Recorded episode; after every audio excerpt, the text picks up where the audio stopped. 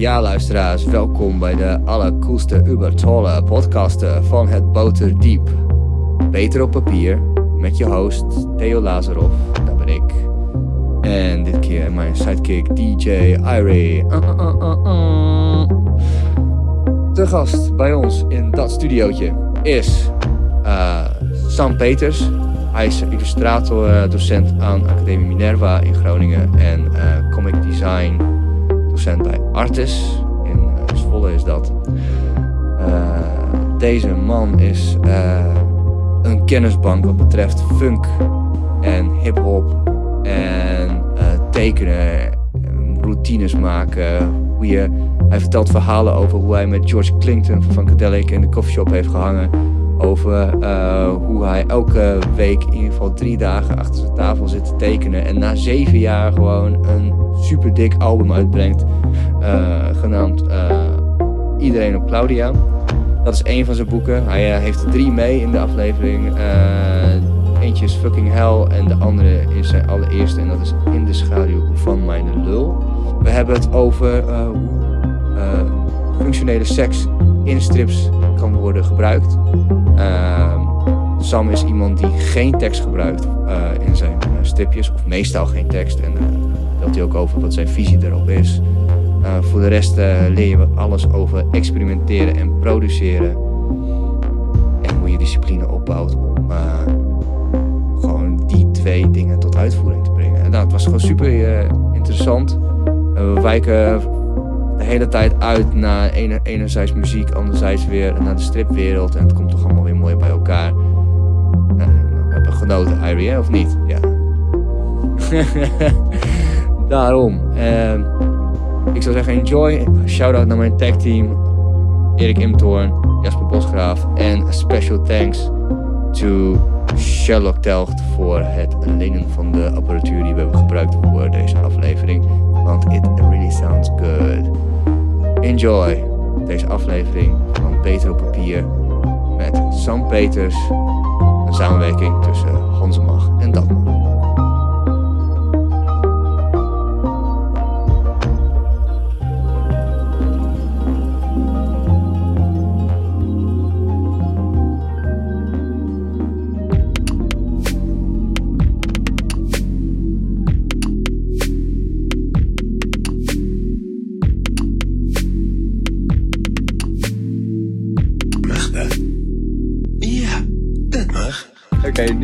Over naar eh, de gast van de avond.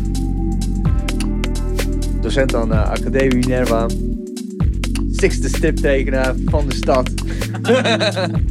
Aangeraden door meerdere personen, waaronder Jan-Willem Spakman en eh, Kevin Roy. Oh ja. Ja, mag ik een applausje voor uh, Sam Peters?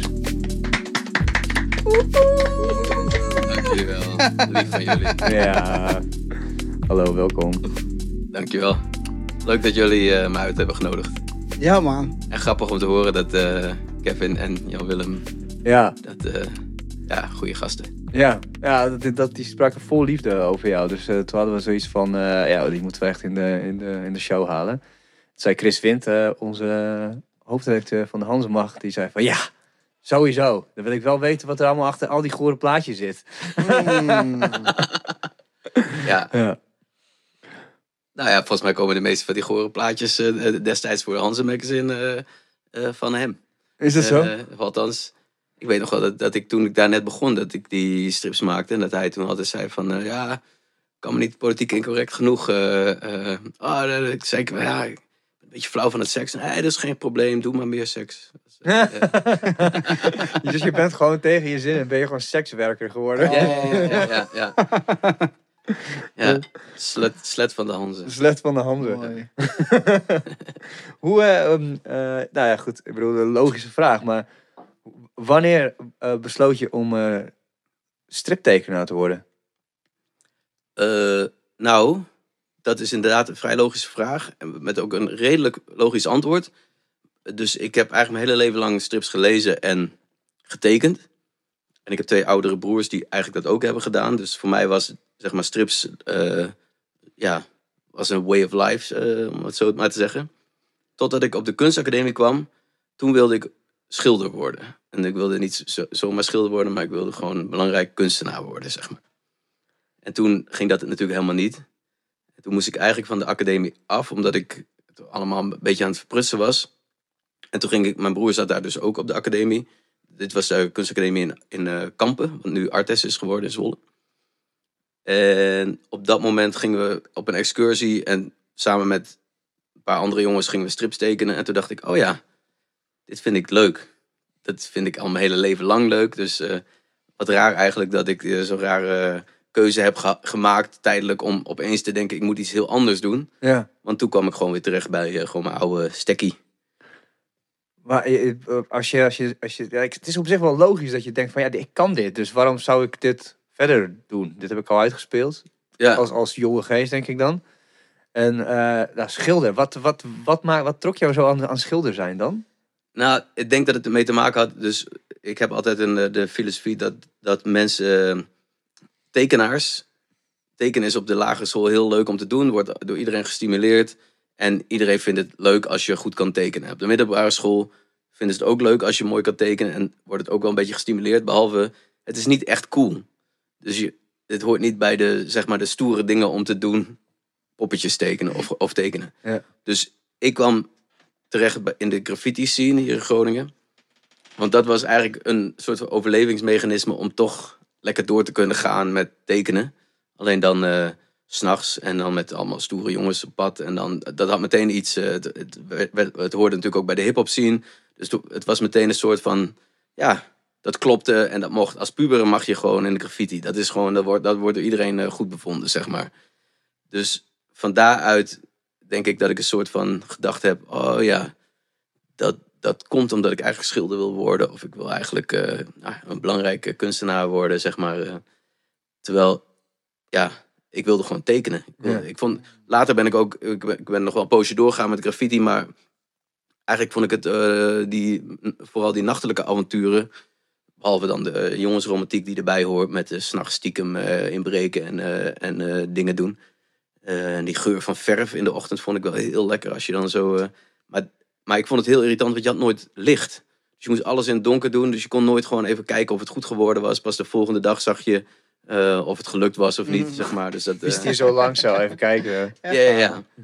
Dus ik, ik werd eigenlijk eh, al vrij snel, ja, dacht ik van, ah, het is leuk en het, is, het was ook wel heel leerzaam, omdat je opeens veel groter moet werken. Dus ik vond dat, dat op zich wel, eh, wel interessant eraan. Maar het was, ja, ik, ik ging al veel sneller eh, over op plekken waar je gewoon legaal muren kon doen. Want dan ja, kon je gewoon overdag met daglicht en kon je gewoon tijd nemen, et cetera. Ben je Dus, wel eens eh, eh, gepakt?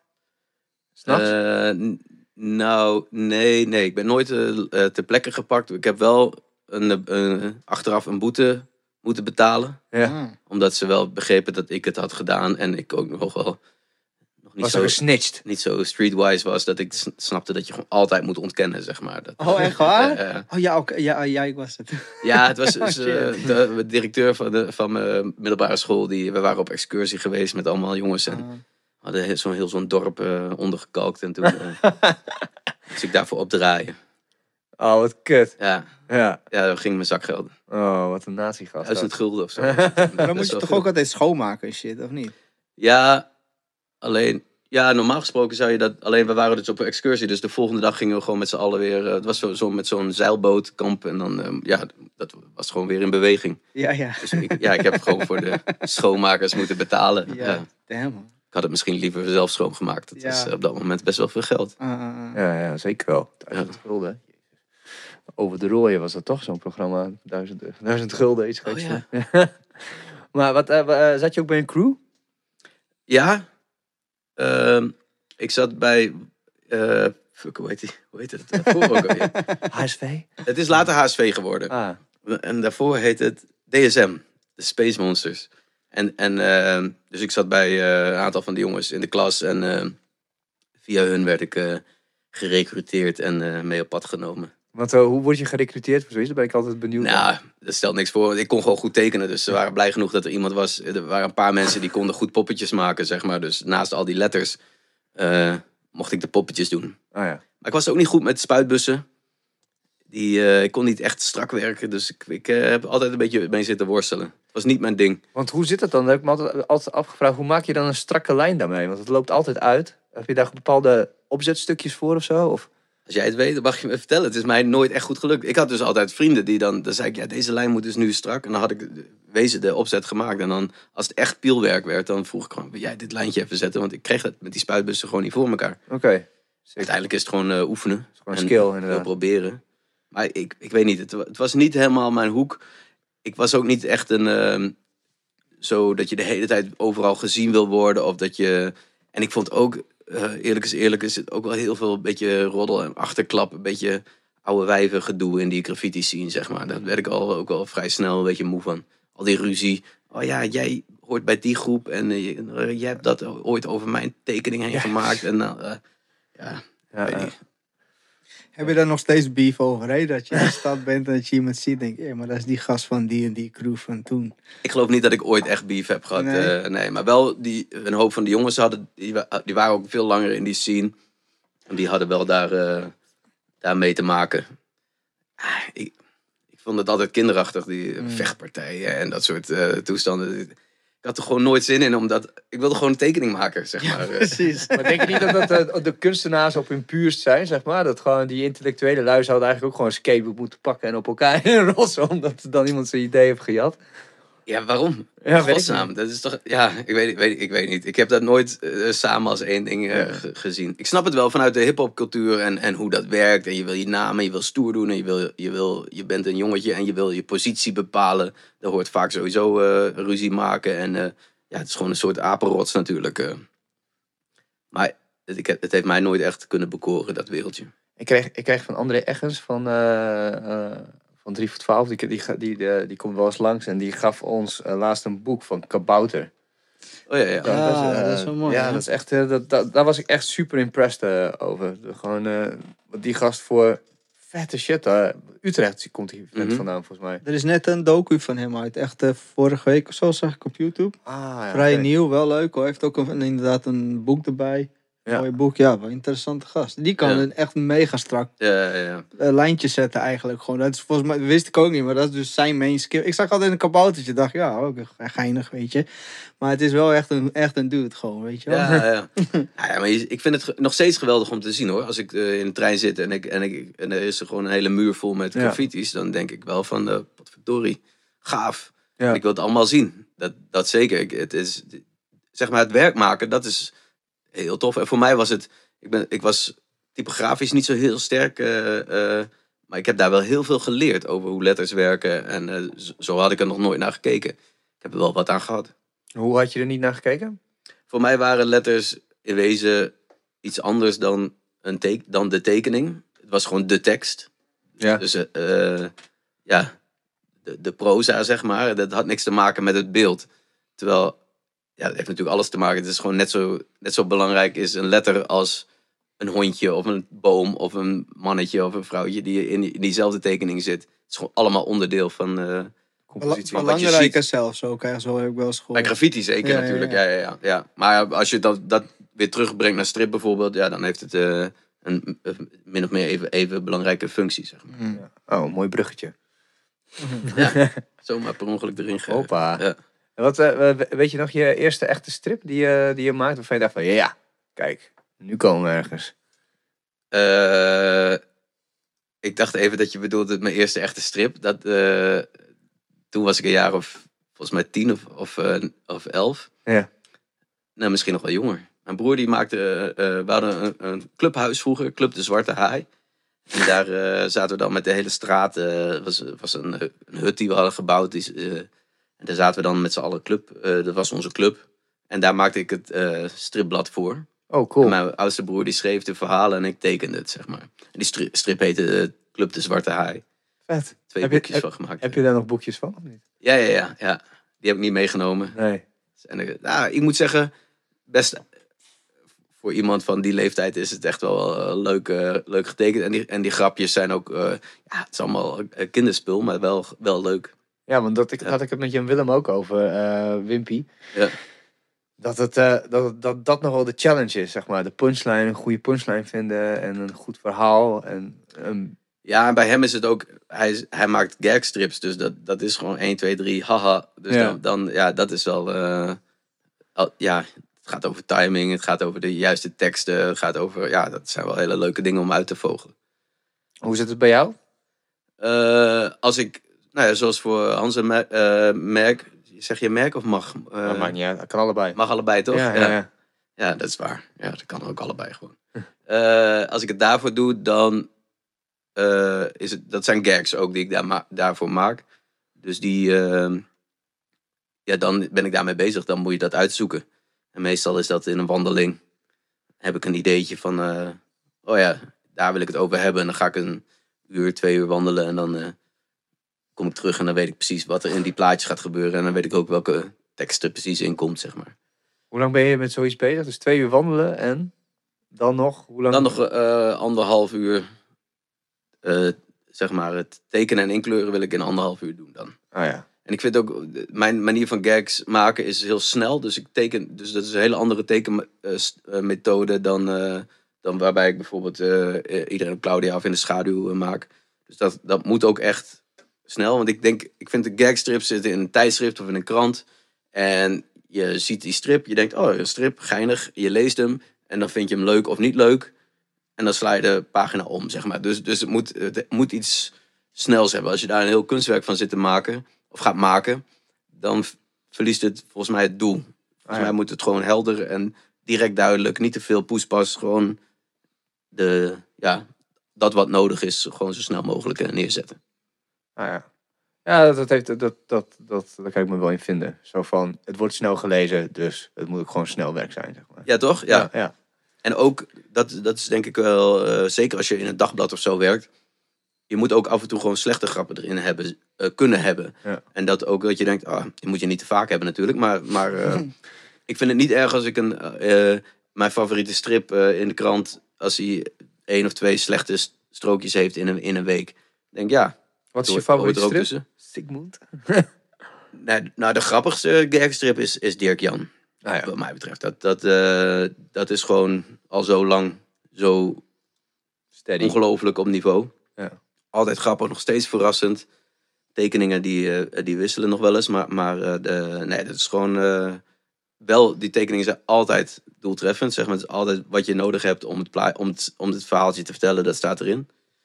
Ja, ik vind dat gewoon... eh, Dat is echt wel een niveau wat... eh, het is niet de ambitie van mij om, om in een dagblad met een, eh, met een gagstrip te staan. Dat li- lijkt, lijkt mij niet... eh, of het is niet wat ik wil maken. Maar voor iemand als Wimpy of zo denk ik wel van... eh, die zou, dat, die zou, volgens mij ook gewoon eh, ergens in een nationale dagblad moeten staan. Volgens mij hebben we het toen over gehad. En hij zei van, yo, maar dat is echt... Dat, die druk die erop zit. En Ja, dat lijkt me ook zoveel. Ja. uitpompen. Dat is gewoon, dat is zoveel werk. Ja. Het is ook veel werk. Ja. maar Hij zou dat wel kunnen. Wimpy, jongen, ga, die, ga die shit fixen. Ja, nou weer donder. Ja. is hij een student van jou geweest? Ja, ja, Je spreekt uit ervaring. ja, ja. Ja, ja dat was heel grappig, omdat hij als... eh, dus, dus op- ik geef op twee kunstacademische les. Minerva in Groningen, daar geef ik bij de afdeling illustratie animatie les. En in Zwolle heb je de afdeling comic design, dus dat is echt op strips ge- gericht. En daar heb ik hem les gegeven. En dat is natuurlijk wel vanuit de kunstacademie is het, ga je toch iets meer de, de graphic novel en iets artistiekere strips. En hij heeft dat gewoon vier jaar lang gewoon geweigerd. Hij heeft altijd alleen maar gags gemaakt. En eh, eh, wat we ook probeerden, dat eh, viel niet aan, aan te sleutelen. Ja, uiteindelijk heeft hij natuurlijk wel wat opgestoken daar. Maar het was heel duidelijk dat hij wist wat hij wilde. Ja. Ja. En, eh, en Kevin, wat voor student was Kevin? Nou, even roddelen natuurlijk. ja. Oh, eh, ja, Kevin was altijd wel heel leuk. Die, die is wel heel lang ook eh, heel erg zoekend geweest. Omdat hij ook een beetje tussen, de, tussen grafisch ontwerpen en illustratie in zit. Dus hij, daar heeft hij wel een poos eh, een beetje zitten worstelen. Maar ja, uiteindelijk is dat ook gewoon natuurlijk gewoon goed gekomen. Ja, we noemen hem hier bij Dat Mag onze typografisch wonderkind. Ja, ja, ja. ja, hij heeft nu echt wel... eh, heb je die cups van hem gezien? Die bekers die hij van eh, Albert Heijn maakt? Nee, ik heb een poosje niks eh, gezien. Oh shit. Oh, nou, laat ik je straks wel even zien. Ja. Dat is echt, echt super vet. Ja, tof. Ja, ja, het is echt, volgens mij, ja, hij gaat, het idee was ontstaan dat, dat hij niks meer had om, geen, zijn schrift was vergeten. of geen papier meer had. En had een Albert Heijn cup. En dan ging hij dan gewoon op, op schrijven. En toen kwam hij thuis en toen zei iemand zo van, yo, what the fuck? ja, dus eh, toen, eh, op een gegeven moment is hij naar elke op, potentiële opdrachtgever dat hij naartoe ging, ging hij dan het merk op zijn manier dan op zijn kopje doen. Ja, ja, En dan gaf hij dat als cadeau en iedereen ging helemaal door het dak. Dus volgens mij is hij al bij Adidas al uitgenodigd. en dat Ah, leuk, man. Super, super tof, ja. Ja, goed. Ja. Maar ehm, graffiti en hip-hop, ehm, dat noemde je net even. Mhm. Zit je al van jongs af aan al, eh, ben je al in de hip-hop? Eh, is dat jouw eerste genre waar je altijd een beetje mee verwant voelde? Nou ja, ehm, mijn eerste single is eh, Hey You, The Rocksteady Crew. Die is volgens mij uit 83 of 82. Dus dat, dat eh, het is wel... Dat Eh, weet iedereen, dat moet iedereen ja. weten. Eh, nee, data weet ik niet, maar... maar Hoezo niet, ja. joh? ja, Jesus. Nou ja, zou, zou kunnen rond die tijd. Ja. Ja, ja, Dus ik heb altijd wel, eh, ja. wel, wel eh, eh, eh, eh, zwarte muziek, eh, eh, funk, soul. Michael Jackson, de, eh, Beat It had ik, eh, was mijn tweede singeltje. Ah, nice. Dus, ehm, maar ik heb dus, zoals ik al zei, twee broers. En dus mijn ene broer die was helemaal fan van, eh, van Prince. En mijn andere broer die was helemaal fan van hip-hop. Dus, dus dat kreeg ik mee. En, en dat, daar genoot ik goed van. Dus, dus die, uiteindelijk ben ik daardoor echt bij de funk terechtgekomen. Toen ik, ja, jaar of 13, 14. Oh, lekker jong ook. Ja. Ja, ja, ja, ja, misschien overdrijf ik. 14. Ja, ik denk dat ik 14 was. Dat ik met eh, dat ik ook samen met vrienden op de, op de middelbare school. Dat we die plaat aan elkaar gingen laten horen. En dat we samen een bandje gingen vormen, et cetera. Toen. Oh, vet. Dus je hebt eh, ook in een bandje gezeten. Ja, heel veel bandjes. Ja. Oh, wat cool. Wat, eh, wat speelde je dan?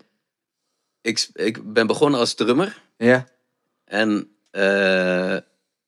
ik was niet, maar ik kon een aardige eh, funky drummer kon ik gewoon spelen. En ik kon het strak spelen, maar niet per se heel mooi. En, en ik vond het niet zo leuk om helemaal achterin te zitten op zo'n podium. Dus ik wilde, eh, maar ik kon ook niet zingen. Dus toen ben ik uiteindelijk gaan rappen. Ah, vet. Ja. En dat heb ik wel, nou, laten we zeggen, vanaf mijn zestiende tot mijn, ben, denk ik, een jaar of. De laatste keer dat ik het heb gedaan is denk ik zes jaar of zeven jaar geleden of zo. Dat ik het eh, echt als live. eh Hoe oud ben je nu? Kan je moeilijk eh, inschatten. 43. Oh, 43. Oh, hebben jullie misschien nog in elkaars vaarwater gezeten? Ja, we hebben wel eens opgetreden ook Ja. samen, of niet? Ja. Onderweg hier naartoe komen, maar ik weet eigenlijk helemaal niet. eh, We hebben sowieso, ja, meerdere keren wel, denk ik. Eh, in elk geval, de laatste keer was toen, eh, dat is dat met eh, Dame Flux. Hebben we toen, eh, ah, shit. ik, ik wist het, ja, oké. Ja. Ja, Dat, vertel. maar dat is, dat is ook volgens mij een van de laatste dingen. Dat was, ze had een, een eh, soort oh, ja. nummer over eh, Facebook gemaakt. En ze had mij gevraagd of ik de, de lead vocals wilde inrappen. Want ze had een mannenstem daarvoor nodig. En Oh, Irene. ja, Irene. Ja. Ah, ja, ja, ja. ja. En, dat, en Corneel was eh, de, de producer die erbij, samen met Irene ja, dat, dat maakte. Ja, ja, ja. En met Corneel heb ik weer heel lang in een bandje gezeten. En, maar ik denk ook wel met Ermo en eh, gewoon met die oude Ermo. eh, dingen. Ja. Ermo, ja. Die is net terug, volgens mij. Nee, die ging... Nee, die zit nog steeds in Colombia. ja, maar die kwam hier op vakantie of zo, hoorde ik. In Ja. deze dagen. Ja. Oh, dat zou kunnen. Ja, Ja, ja, hij is wel. eh, zo nu en dan is hij weer opeens hier. Ja. DJ Itchy Nuts. Shout-out. Ja, ja, sowieso. ja dat is eh grappige tijd. Ik heb best wel veel gedaan. En ik was, omdat ik dus wel ik, een drummer, eh drumverleden had. En eigenlijk al vanaf mijn, vanaf eh, als rapper altijd met eh, bandjes heb opge- opgetreden. Heb ik best een hele poos veel snabbels gehad bij, bij bandjes die iets wilden doen met hip-hop-achtige dingen. Omdat ik gewoon heel goed maten snapte. Heel veel rappers die, die weten de track, of tegenwoordig is het anders hoor, maar in die tijd was het heel erg vaak zo. De, de track en dit is de, de, de, de cue om te beginnen te rappen. En dan begonnen ze. Maar als er dan, ja, als er dan ook maar iets gebeurde, dan zaten ze dus vast. En, Ja, ik, ja, en ik kon gewoon, ik snapte gewoon hoe de muziek werkte. Oh ja, we hebben dus zoveel maten en dan daarna, oh hier komt het refrein. Nou, dat weet ik, er komt over acht maten is dat weer afgelopen, dan val ik in. Dus ik hoefde nooit, yo, yo. Eh, ja. Dus ik, ik wist gewoon, oh, het, het refrein is afgelopen en dan knal ik hem erin. Zeg maar. Dus Mm. dat, dat vonden die muzikanten heel leuk, omdat op die manier, eh, eh, ja, daarvoor konden ze mij goed gebruiken, zeg maar. Zat jij in de Dirty Love Letters? Ja, Ah, Ja. ja, nu, nu begint het te komen. Ja, ja. Ja. Ja, ja, wat leuk. Ja. Ja, grappig. Ja. Dat, is- dat is een tijdje geleden. Ja, wat. Jullie hebben volgens mij een keer op Eurosonic gespeeld, Grunsonic? Of, Gunsonic, ja. ja. Eurosonic ook. Oh nee, dat was denk ik met Liquid. En, met me, en nog een bandje daarvoor. Ja, dat is allemaal super lang geleden. Ja, Ja. dat is echt meer dan tien jaar geleden. Ja, Tien jaar. Want ik weet nog, tijdperk. Ja. ja, ik vond het ook heel tof, want ehm, wij, eh, wij eh, hebben vorig jaar, of twee jaar, twee jaar geleden, was er een playback show bij een feestje. Oh ja. en eh, toen deden Harjan en ik, eh, een vriend van mij en ik, deden eh, ons nummertje, zoals we dat noemen. Ja. kwam, dat kwam uit de P-Funk verzamelplaten en dat was van. Microwave. Instant, Instant replay. Ja, ja, ja, geweldig. En jij moest ons aankondigen. Jij was de host. En ja, ik dacht van, ja goed, weet je, dat, dat, jij, jij lulde de, de boel aan elkaar. En toen kwam dat nummer. En jij was vol liefde over, oh, dit is zo'n vet nummer, komt nu aan. Ik zo, hè? Weet die gast wat het is? Weet je, dat is zo speciaal. Omdat dan, ja. Ja. zo zeker weet ik wel wat het is. Ja, het is grappig, want ik ken dat nummer dus vanaf mijn, denk 16 of 17 hadden, uh, Bootsy Collins had in, in volgens mij 87 of zo, had hij What's Bootsy Doing? Ja. En dat was zo'n elektronische plaat. En daar stond dus, op het einde van die plaat had je dan zo'n heel kleine snippet daarvan. Die werd er ingeveed en uitge, uitgeveed. En dat was dat nummer. En ik was altijd, nou, ik draaide hem helemaal. En dan als hij aan het uitveden was, dan probeerde ik hem, zeg maar, de volume weer mee te draaien. Zodat het toch, zodat ik zoveel mogelijk van dat nummer kon horen. En ik dacht, nou, fuck, wat, wat, wat is dat voor ding? En toen kwam ik er dus achter van, nou, dat, is eh, van Microwave. En toen, eh, ja, toen was ik verkocht. Ja, wat een basis is dat, hè? Ik bedoel, het is eh, zonder dat zo weinig mensen weten wie dat is. Maar het is echt zo'n soort van mix tussen Prince en Michael Jackson en Funkadelic. Ja. Ja. met, met Bootsy als producer, volgens mij. Ja, ja Bootsy heeft daar eh, een hoop... ik weet niet eens of George Clinton daar ook eh, bij betrokken is geweest. Cooking on the Inside Out moet je hebben. Oh ja, from, ja precies. Je hebt hem al. Ja, geweldige plaat. Ja. Maar is volgens mij niet eens op, eh, eh, op- op Spotify te vinden, volgens mij. Jawel. Ja? Ja, ja, ja, zeker wel. Volgens mij Oh, wel. oké. Ja, ja, ja. Ik, Arjan en ik draaien hem nog wel regelmatig. Maar dat nummer is te vinden. Maar, maar die plaat, Cooking on the Inside Out, is volgens mij niet te vinden. Tenminste, Oh. Dat zou kunnen. een half jaar geleden of zo heb ik hem een keer gezocht. Ja, dat zou best kunnen. Het is ook echt Ja. zo'n, ehm, ja, een, een, een soort van eh, predator Ja, ja, ja, manier bekeken van, de, van, van, van hitte, hittezoeker, zeg maar. ja. En ik heb die LP thuis, maar ik, ik vind platen draaien eh, altijd, als je als tekenaar is dat heel vervelend, want dan moet je om Opstaan, de 20 ja. minuten moet je dat ding weer omdraaien. Dus eh, ik heb hem wel opgezocht, maar toen kon ik hem elk geval niet vinden. Ja. Nee, dan, dat zou best wel kunnen, want dan staat hij op de P-Funk eh, All-Stars. Waarschijnlijk dat nummer. Ja, hij staat op een, op een, eh, oude P-Funk verzamel. ja, daar staat, eh, staat George. Clinton, die staat dan zo. En dan, Ja. ja. ja, want die cd had ik dus ergens in Bulgarije gekocht. Ik ben veel later, ik kom uit de metal, ik ben veel later in de, in de funk gedoken. En toen had ik dat, toen zag ik, toen zag ik dat, dat cd'tje. Ik dacht van ja, het zou een of andere Bulgaarse piraterij zijn. Dat ze gewoon wat bij elkaar hebben gegooid. Ja. Had ik hem meegenomen en ik hoorde het. Er waren juist die twee nummers van, van hem, die kwamen echt heel, erg heel erg eh, eruit. Wat was het andere? Eh, Misunderstood. Ook met zo'n Ja. ding, ding, ding, de ding. Ja, het is Heel sick, ja. Ja, gewoon echt die hele goede eh, elektronische funk eh, uit Ja. de jaren 80. Ja, heel tof. Maar toen, toen kwam ik dacht ik van, oh ja, je hebt, eh, je hebt heel weinig lui kennen, kennen gewoon goed op, op die manier Funkadelic en, en Bootsy. En het zijn meestal hele oude lullen die van, ja nee, en dan gaan ze erover praten alsof het jazz is. Maar dat is dan niet zo. Nee, ja, ja. ja. nou ja voor, voor, ons, eh, voor ons destijds, toen wij, de- waar ik het over heb, die, die, die groepje vrienden met wie wij dus in de- op onze, rond onze 15e, 16e een bandje vormden. Dat was voor ons ook een, een bepaalde manier van eh, weer de ultieme puber uithangen. Dus, dus eh, je had dan je had aan de ene kant de, de opkomst van de hip-hop en de techno. En je, aan de andere kant had je de, de grunge-beweging. hè. De- Begin jaren, Ah ja, jaren tuurlijk. 90 is het allemaal. Dus iedereen was zo. En wij dachten, ah fuck it, we gaan gewoon onze, helemaal ons eigen ding vinden. En toen kwam een van die vrienden met, eh, eerst met Funkadelic en. ehm, God, hoe heet die plaat van. Het Cinderella Theory van George Clinton, ook Ja. eh, uit de jaren 90. En eh, begin jaren 90 is dat, ja. Toen, toen eh, ging het bij ons helemaal los. En toen begonnen wij dus ook sa- samen een bandje te vormen.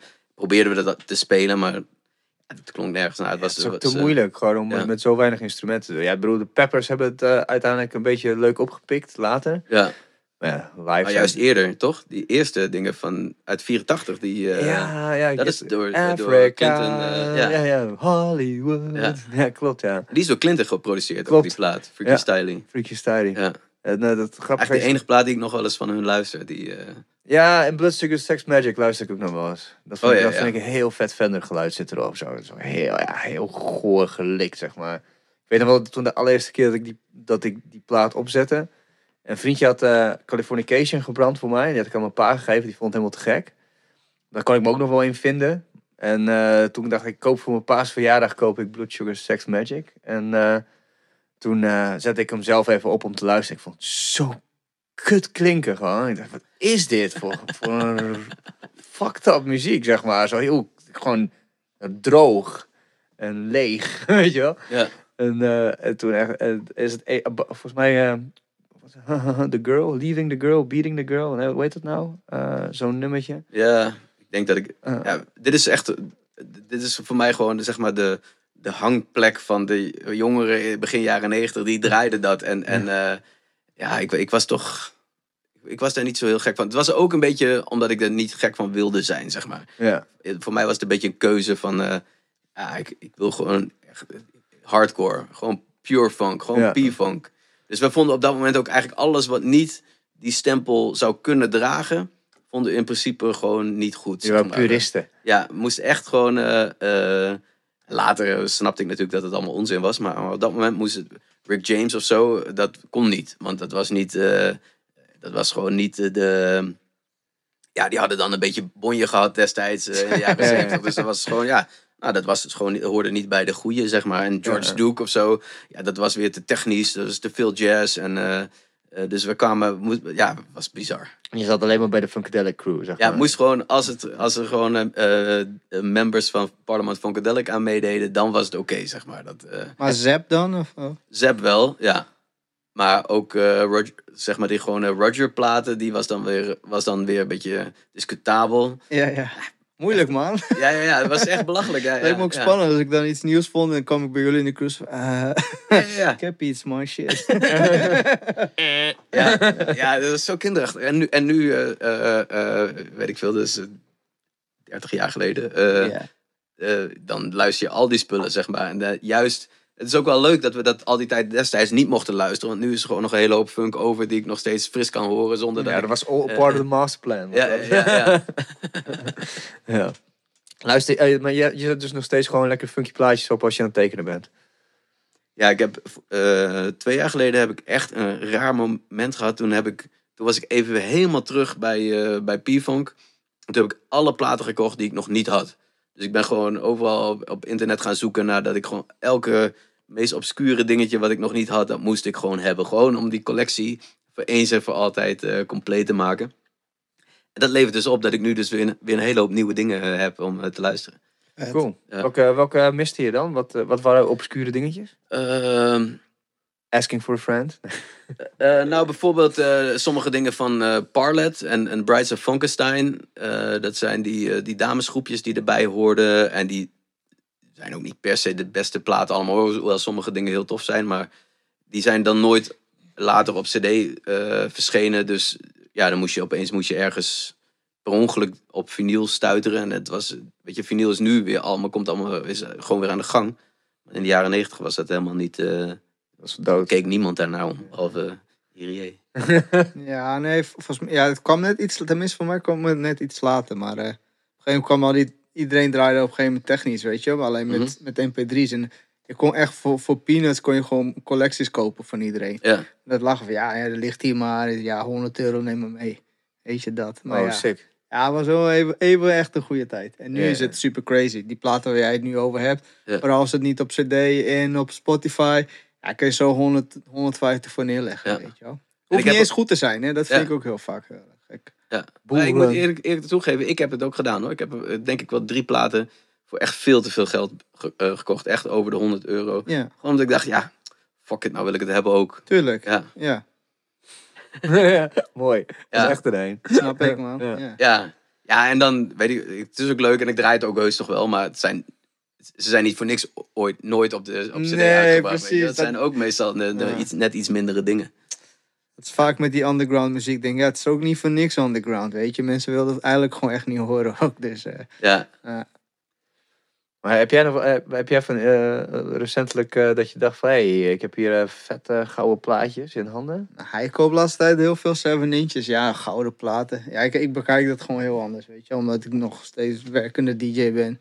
Kijk, ik, ben, zeg maar, eh, ik zie mijn plaatjes als, zeg maar, een soort van Lego stukjes. Ja. Dus dan koop ik ook alleen dingen die al bij mijn, bij mijn set passen. Dus dan ben ik een soort muzikale boerderij aan het bouwen. Denk, ja, er moeten heel wat koetjes bij. ja. Nou, als iemand in één Ja. keer met een, met een zebra komt, zeg ik, ja, maar ik, ik ben niet de safari aan het bouwen. Snap je? Dus eerst mijn boerderij maar af. Ja, ja, ja, Weet je, dus dat, ik bekijk dat een beetje anders. Maar, eh, ja, maar ja, er is nog steeds superveel dope vinyl te krijgen eigenlijk. Belachelijk veel. Ook nieuwe beentjes die gewoon die oude sound weer opnieuw namaken en dergelijke, weet je wel.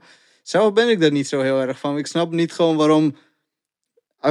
Als ik die oude sound wil, dan check je toch gewoon die oude sound. Waarom moet ik dan, dan die van jou luisteren? Want dat, Ja, is, eh, ja. dat is toch namaken eigenlijk, weet je? Ja, Ik heb ik, denk, een- ik denk het is gewoon meer.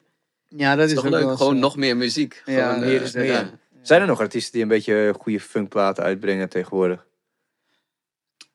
Ah, je hebt die, ja, maar ik, ik luister zelf een beetje, een beetje niet zo op naar P-funk, maar gewoon die, zeg maar, ik noem maar James Brown funk, zeg Mhm. maar meer. Eh, de Dub Kings hebben, Ja. eh, die hebben nog steeds echt een label waar van alles nog uitkomt. Dus het, het bestaat nog wel. Ja, Maar en je hebt natuurlijk sowieso in die, ook in de, vanuit de hip-hop, dat heeft, heeft eh, sinds de komst van, van Ou- Outkast en dat soort jongens, heeft het veel meer echte funk-invloeden gekregen. Dus heel veel hip-hop schuurt tegenwoordig eh, gewoon tegen funk en zelfs tegen P-funk aan. Ja, de P-Funk is natuurlijk een heel ander verhaal, omdat gewoon Dre alles soort van opnieuw heeft opgenomen en Je bedoelt de. G-funk? De G-Funk. Ja, ja, ja. Ja. ja. Dat is bijna letterlijk gewoon... En dat is bijna één track. Ja. Dat is gewoon die ene track van Zep. Die heeft gewoon die hele Ja. West Coast heeft er minstens één keer overheen geremd. Ja. Super crazy is dat. Welke bedoel je dan? Ah, dat is, eh, ja, welke More is dat? Bounce ja, More Ounce, Bounce to the Ounce. Ja, precies. Ik dacht dat het eh, Sweet Chariot, Let Me Ride. Dat is toch de, de hele Ja, chronic daar is, is, daarop. eh, eh, daar is, nou, die Chronic staat helemaal, dat is van allerlei verschillende Ja. nummers, maar, maar dat nummer, eh, volgens mij is dat Dre Day of zo, dat is Ja. helemaal, Ja. eh, op het einde van die videoclip zie je dan ook nog eh, oude eh, parlement eh, optredens. Vet. Dus ja, het is wel heel grappig. ja, en Ice-T heeft, of nee, niet Ice-T, maar Ice, Ice Cube. Cube, Ja, samen ja. met George Clinton, Precies. die ene track. eh, ja, ik ben echt slecht in titels, joh. Maar ja. Nee, maar al die gasten, die, die hip-hop is helemaal kap- Je, je kan geen plaat opzetten en iemand zegt, oh, dat heeft eh, die daar gebruikt. Ja, het is gewoon echt helemaal. eh, Maar ik vind het wel echt, echt als, ik, als je over, over zakelijk hebt, zeg maar George Clinton en James Brown. James Brown was ter plekke, op het moment was hij super zakelijk en heeft natuurlijk gewoon iedereen gewoon vol in zijn kont genaaid, zeg maar. Maar ehm, George Clinton, die had zoiets van, fuck it, money, weet je. Hey, oh, fuck. Ja. Dat eh, gewoon uitgeven. Ik wil gewoon een fucking flying saucer. Ik wil gewoon een vliegende piramide. ik wil gewoon naakt op podium. Weet je, what the fuck. ja. En, en toen later is hij, dacht hij van fuck, al het geld is weg en ik heb alleen maar asset lopen, lopen vreten. Ja. Dus, dus, dus hoe ga ik dit doen? En, en, en toen heeft hij eigenlijk iets geniaals gedaan. Dat is die eh, eh, sampleplaat uitgebracht. Van ja, iedereen loopt te zeiken dat die eh, gesampled wordt. Nou, ik, ik, ja, als je me wil samplen, prima. Hier Ja. heb je een Maar hij heeft in elk geval altijd opengestaan voor, Collabs. voor, voor ja, en vooral ook voor hip-hop, omdat hij goed begreep dat dat, eh, dat gewoon een nieuwe generatie eh, funkluisteraars was. Maar zakelijk zou ik hem niet willen noemen, want die, hij is nu nog steeds allemaal legal battles met. toen, die, zeg maar, die, hij heeft echt wel hele grote problemen gekregen met platenbazen die allemaal contracten gefaked hadden. En of, of misschien dat hij gewoon high was en dat toch getekend had. Nou ja, dat is nu nog steeds aan de gang. Ja, dat zou wel, ja. ja, ja dat geloof, dat, ik geloof het meteen, Ja. zeg maar. Wat is die sampleplaat dan? Want die heb ik dan nu niet. Ik ben best een beetje... Ik schiet echt zomaar in de stress hier even. Disc Sample Some of That heet dat. Oké. Er zijn volgens mij vier delen van of zo. eh. Maar op cd ook? Of, eh, ja, ja. oké. en dan eh, gewoon... eh, dit, dit, dit, dit, dit, dit, een Alles los gewoon. Ja. No shit. Pardon, pom, pom. Ja. Van, bekende tunes of heeft ze alleen maar nieuwe dingen gemaakt? Ja, dat weet ik eigenlijk niet zo goed. Eh, dit, is, dit zijn die vier cd's die ik dus in mijn verzameling niet hoefde te hebben. Omdat het voor mij eh, niet Ja, snap ik. was, Ja, eh. ja. Maar als gewoon als novelty of zo is het wel cool dat Ja. het gewoon... eh, en Ik vind het nog wel eens. eh, ik zal eens, als ik het ergens zie, dan Ja. eh, zal ik aan je denken. Ja, te neem gek. eentje voor je Ja, mee. te gek. Je, hoort- je hoort hem ook zo, yeah. Gewoon, ja? ook van- gewoon, je, gewoon eh, dat. Hij is toch wel cool. Ja, dat hij eh, in zijn crackhead state of mind dacht van... Kijk, dit is de oplossing. man. Ja, hij heeft, maar hij heeft toch ook op een gegeven moment die, dat hele Snoop Dogg gebeurde. Dat, dat toen was dat, was dat Atomic Dog. Dat zijn hele band die had hem verlaten. En toen ging hij met de synthesizer aan de slag. En toen, toen ging hij Atomic Dog. Nou, was dat, was dat Ja. heel, helemaal alleen, hij? Eh, ja, Nee. en nog, nog twee of drie anderen. Maar die hele band kon hij al niet meer betalen, volgens mij. Nee, het is, dat is wel een iets ander verhaal. Oh, oké. Dus, hij, eh, dus dat nummer bestond, was gemaakt door iemand, door, door eh, een paar muzikanten van, eh, van hem. En toen heeft hij, was hij gewoon compleet high on crack. En toen is hij die studio ingegaan, heeft hij iedereen naar buiten gestuurd. Toen is hij heeft hij zichzelf twee dagen opgesloten. En toen is hij, heeft hij dat hele nummer zo tot, tot het, die grote hit gemaakt, zeg maar. Dus hij heeft het wel, heeft wel eh, de producer George Clinton is altijd de meest intelligente van de. Eh, die is altijd slimmer geweest dan, dan de schrijver, zeg maar. Echte schrijvers zijn nooit geweest. Hij is iemand die met materiaal, die snapt van, oh, More Bounce to the Ounce is zo'n goed voorbeeld. Dat was gewoon een heel nummer, waarbij hij gewoon zei, nee, fuck dat, we gaan gewoon alleen die baslijn gebruiken. en hij heeft gewoon dat hele nummer, alleen die bas achter elkaar gezet. Mm. En dat werd More Bounce to the Ounce. En dat is, nou ja, Legendary. echt, echt een Ja, classic. echt, echt classic, ja. Oh, dat wist ik niet, joh. Ik dacht dat hij gewoon eh, op een gegeven moment gewoon ruzie had met iedereen. En dat, het, eh, dat hij gewoon in zijn eentje wel verder moest. Maar het is dus een heel, nog veel naaieriger verhaal eigenlijk.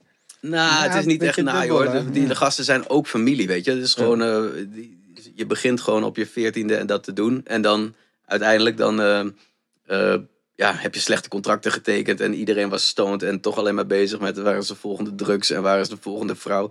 En dan in één keer blijkt, oh shit, we hadden ook heel veel geld kunnen verdienen. En, we, en ik heb opeens een gezin. En dan begint iedereen ook weer om zich heen te kijken en na te denken, oh, dit hebben we wel stom aangepakt. En dat is jouw schuld, want jij bent de baas van de band, zeg maar. Dus ja, ik weet niet. Het is altijd zijn nogal wat eh, kanten aan zo'n verhaal, denk ik. Mm. Er is, er is zo'n, eh, op die plaat, op die Freaky Style, die staat volgens mij nog eh You're the Turtle. Look at the turtle go, bro. Dat is de stem van de, van de dealer van George Clinton. en hij had, eh, hij had hem zeg maar voor de zoveelste keer gebeld. En, de, en eh, zoveel, eh, weet ik, weet ik, ik- gewoon heel veel kook bij hem afgehaald. En, eh, maar hij kon het gewoon op een gegeven moment niet meer betalen. Het was gewoon het budget van de studio was gewoon op. En eh, toen zei hij van, oké, kan je nu niet voor deze badge betalen, maar ik kan je wel vereeuwigen. Dan mag je dus gewoon een intro. Toen zei die gast, oh ja, dat is goed joh. Crazy. Ja, Ja. Ah ja, mooie dingen. ja het is heel grappig. Maar ik wist helemaal niet dat je zo'n... eh, ja, zo'n... Je bent wel echt een kenner gewoon. Gewoon, je hebt Als gewoon allemaal... eh, ja, allemaal, want ik, Ja. ik, ik, ik ben niet, zeg maar, oh, echte Groningen, weet je. Ik kwam hier zo mid 2000 zo hier en ik zag jou en Pepijn en, en allemaal lui. En het was voor mij heel onduidelijk. Het was van, oké, ja, die lui die hangen wel samen of zo, maar wat, ik, weet, ik wist eigenlijk helemaal niet echt wat er gebeurde. Ja. En toen een keer, toen ik inderdaad het project met je deed, dacht ik, oké, hij rapt.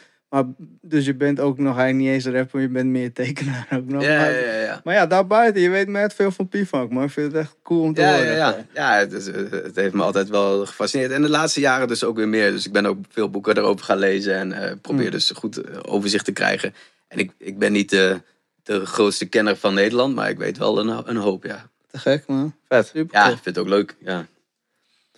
En eh, nou, ehm, ik zie dat je ook nog twee boeken hebt meegenomen. Drie, maar liefst. Drie? Ja. Ja, dat leek me slim. Dat dacht, dan kan ik ze in beeld brengen. En dan eh, weet kan. iedereen wat ik heb gemaakt. Nou, laten we eens even zien. Dus eh, zal ik gewoon beginnen bij het begin? Of, eh, nou, ik zal je straks meer vertellen over het echte begin. Maar dit is 2010. Ja? Eh, toen heb ik het boek. Is, hou ik het goed voor de camera? Ja, ik zie hem Ja, wel. Ietsje omhoog, ietsje omhoog. Ja, ja. In de schaduw van mijn lul. Hoppa. Ja. To the point. Dus dat heb ik toen gemaakt. Eh, Mag eens kijken? Ja, Praat en dat is in feite eh, eigenlijk bedacht als een soort. Dus ik had een. ehm, ik had die titel bedacht. Maar ook, ook van de bezige bij, die heeft hem ook gewoon uitgegeven. ja, ja, ja. Dat is dan best wel een, een naam in de uitgevers zien. Ja. Ik ga er even in bladeren. Nee, ik had dus die naam, eh, die titel bedacht. En toen dacht ik, dat is een goede grap. Toen had ik eerst eh, een schilderij van gemaakt. Met, met die titel erin verwerkt. En toen dacht ik, eh, ah, het is veel beter als titel van een boek. Je moet dat in de boekenkast zien tussen eh, allemaal eh, eh, literaire meesterwerken. En dan, eh, eh, ja, dan, dan zo'n titel is eh, gewoon een, een goede, goede grap.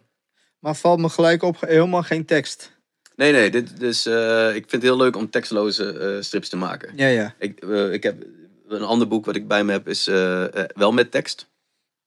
Maar eh, mijn laatste boek is ook weer tekstloos. En ik ben momenteel ook bezig met, met twee boeken, waarvan eentje ook weer eh, zonder tekst is.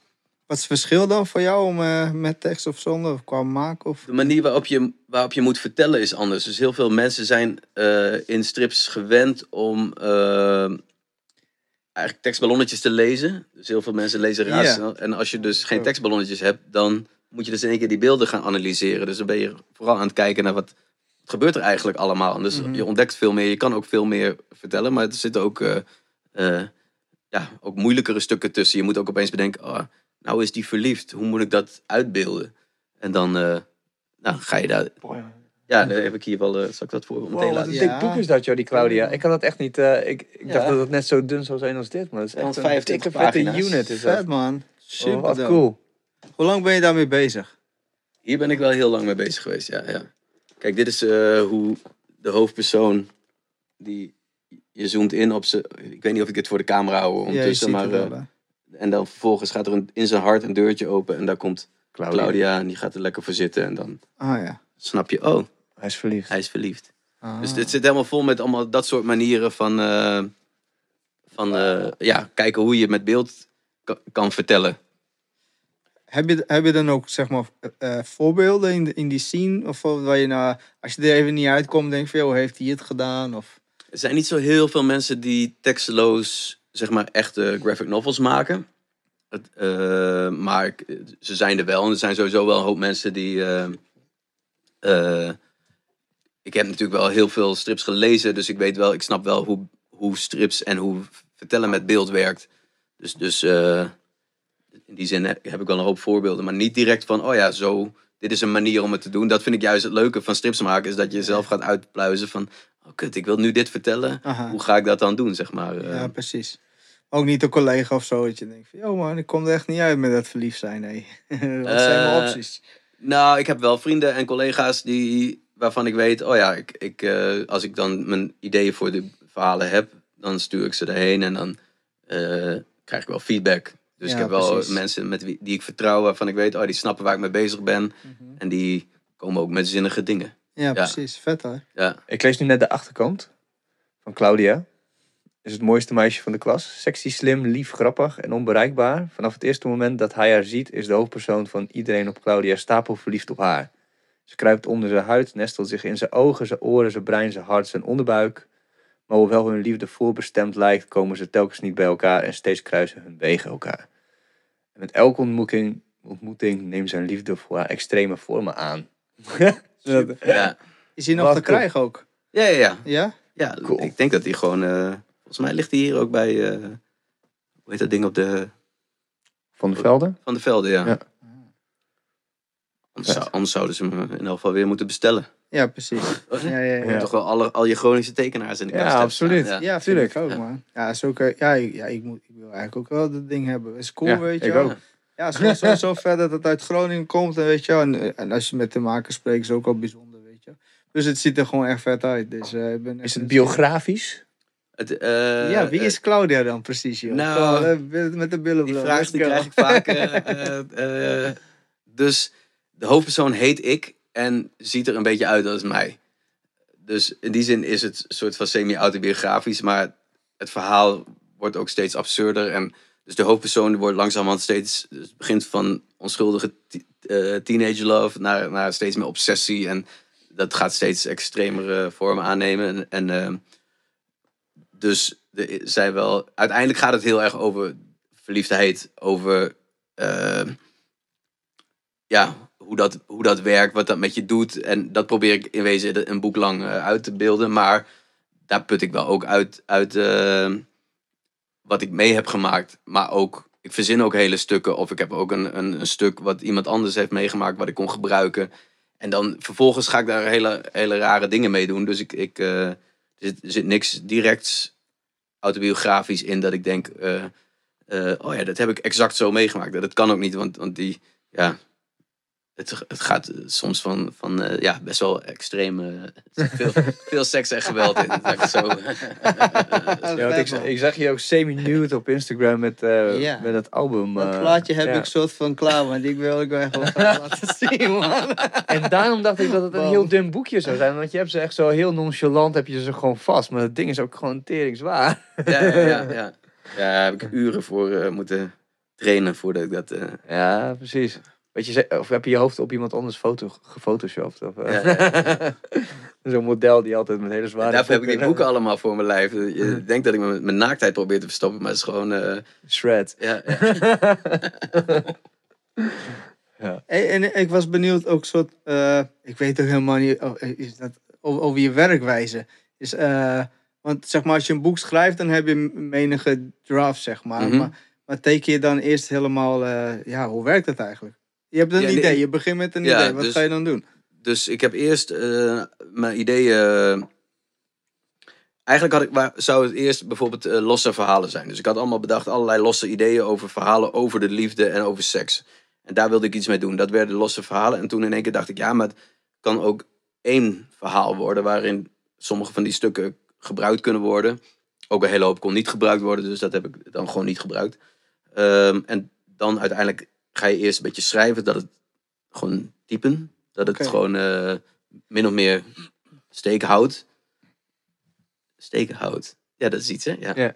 Eh, en, en vervolgens eh, gewoon een storyboard tekenen. Dus gewoon snel schetsjes oh ja, over hoe zo'n spread eruit komt te zien met die twee pagina's. Nou, dat gaat, ik heb zoveel plaatjes, daar gaat dit in gebeuren. Aan het eind van, van, pagina, van, de, van die spread moet, moet ik hier zijn. En dan de volgende pagina. En dan blijkt dat het niet helemaal uitkomt. Nou, dan begin je weer stukken weer te hertekenen en herschetsen.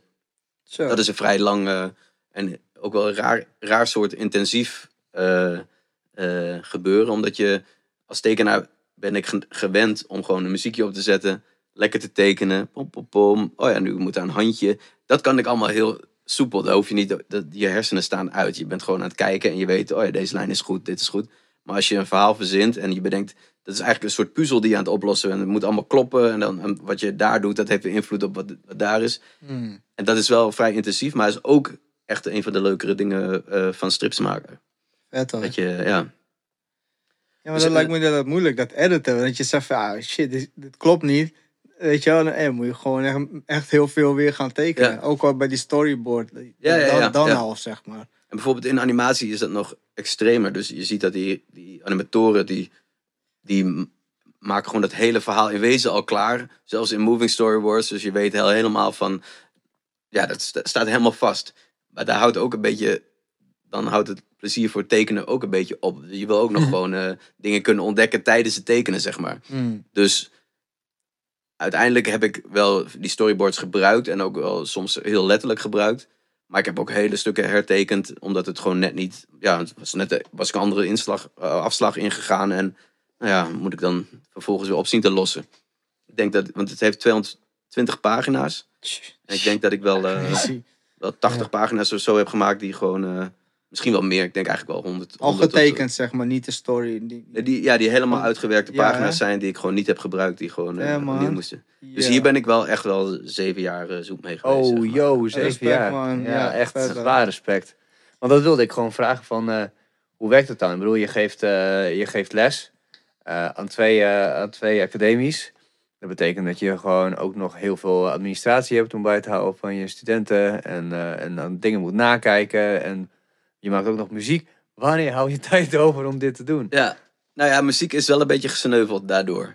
Eh, ik, ik heb nog steeds wel eh, stille fantasieën, eh, maar dat moet ik denk ik voor mijn midlife crisis bewaren, want, want daar kom ik gewoon niet aan toe. Nog een paar jaar, man. Dan ben je... Ja, ja, ja, ja, niet ja, heel lang, ja, het komt eraan.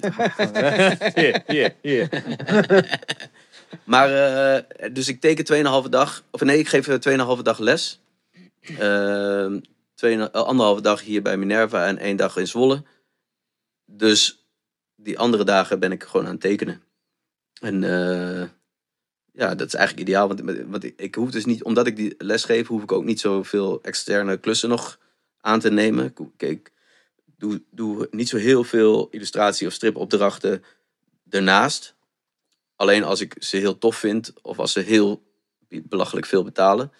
Eh, maar ik, ik heb het niet nodig, want de rekeningen zijn betaald, zeg maar. Dus dan, dat is wel een... eh, eh, dus ik kan me helemaal die andere dagen gewoon storten op gewoon die verhalen die ik wil maken. En daar ben ik dan... ja, dus het, het heeft heel veel discipline nodig. In feite zit ik gewoon in mijn eentje achter mijn tafeltje. Gewoon dagen achter elkaar. Wat ik heerlijk vind, maar ja... Ik kan me voorstellen dat het menig een dat... Is niet voor iedereen. is, nee. Ja, ja. ja, ik heb wel je, bent- eigenlijk ben je niet alleen, weet je, je bent met je characters. Ja, ja, ja. Nou ja, het is wel. Je bent wel. Want ik zeg net van je zit niet na te denken, maar eigenlijk denk je steeds na over wat er zo meteen. Wat je zo met. Elke keus die je gaat maken is weer eentje die door je hoofd gaat en dan probeer je het uit.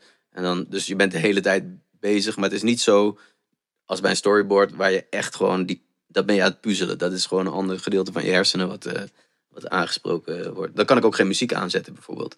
Terwijl ik het gewoon, als ik aan het tekenen ben, dan moet ik muziek aan. Dat, eh, Ja, wa- want ehm, maar dan heb je dus drie dagen in de week. En daar heb je dus zeven jaar, drie dagen in de week hieraan gewerkt. Of was dat Ja, dat lijkt me best een redelijke eh, schatting. zo? Ja, oké. Ik ben ik ben nog steeds super impressed over Ja, hoe maar- dik dat ding is. Ja. Ja, ja, het is, eh, ja dat vind ik ook wel le- lekker. Het moet ook wel een ding zijn. Het moet, eh, dat had ik wel bedacht. Het gaat gewoon... eh, Ja, dat is dan wel hoe, leuk. hoe, hoe gaat het dan? Dan vertel je dus aan mensen van ja, ik ben dus nu dit boek aan het doen en zo. En dat, ja, dat vertel je dan zeven jaar lang. En dan haken heel veel mensen ook ondertussen gewoon af. Van ja, tuurlijk gast, je bent al jaren met dat boek, je boek bezig. Ja, ja, ja, Zo, ja, ja. ja, nou ja, ik heb dus... Want dat, dit is het enige boek wat ik nog niet heb laten zien. Fucking Hell heb ik nog tussendoor gemaakt. Ah. Eh, en dat had te maken... Zal ik hem even voor de camera? Ja, Zit weer in de camera? Beetje naar iets naar beneden, beneden. dan ziet iedereen. Ja, vet. Fucking hell. Ja. Dope.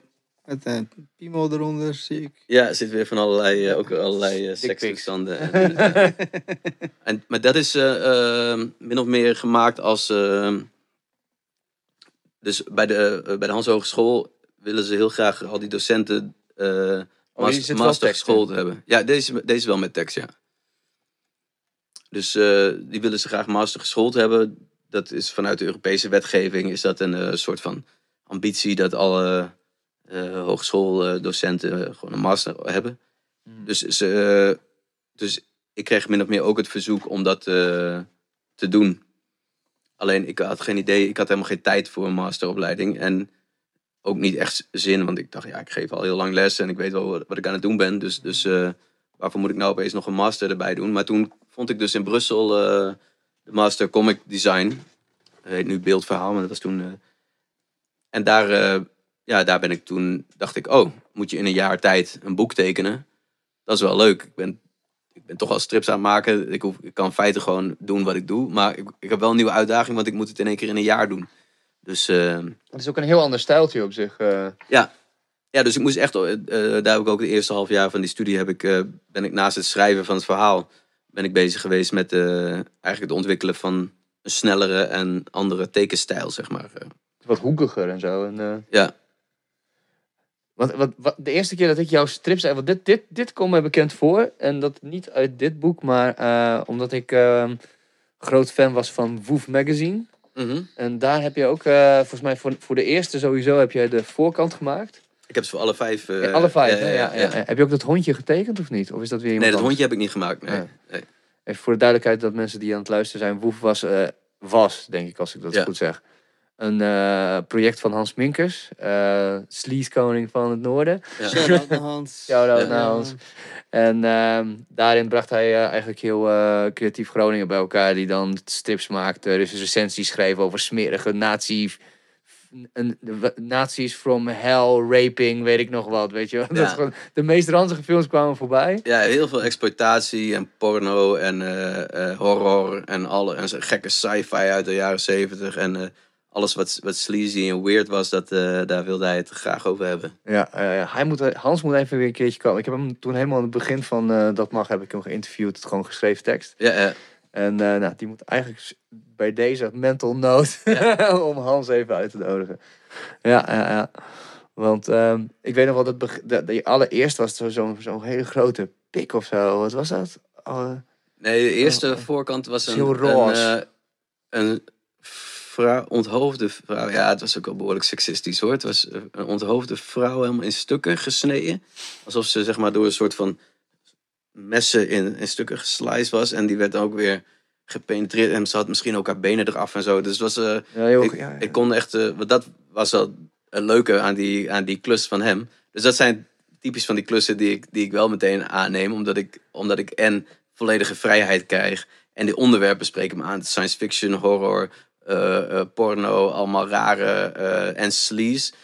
En dan gecombineerd met, met die vrijheid die erbij komt. Ik kon elke keer met iets aankomen. En eh, Hans was elke keer weer heel, eh, heel vrolijk en blij.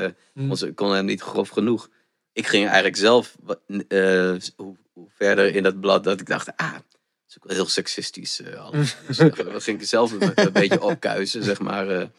maar hij, hij, ik hou wel van die, van die funsbakken als bazen. Dat is wel handig. Ja, ja, absoluut. ja. Ja, zo jammer dat, dat, dat het er niet meer is. Ja, dat, ja, volgens mij loonde het ook echt niet meer om... eh, Ik zat bij hem op de middelbare school, Oh, brugklas, eerste, tweede, derde jaar. En hij was ook bij een soort van met mijn kliekje, maar hij was gewoon Hans, weet je. En ik ken zijn moeder ook en shit. en eh, toen kwam ik in Groningen wonen en toen zag ik hem. Ik zei, hè, wat de fuck doe jij dan? Hey? Shit's te crazy. Ik had het echt niet aanzien komen, hey. Hij werkte bij Sleaze, een tijdje. Volgens mij en, hij deed kunst. Wat is dat, sleaze? Dat was een eh, obscure ehm, videotheek. Oké.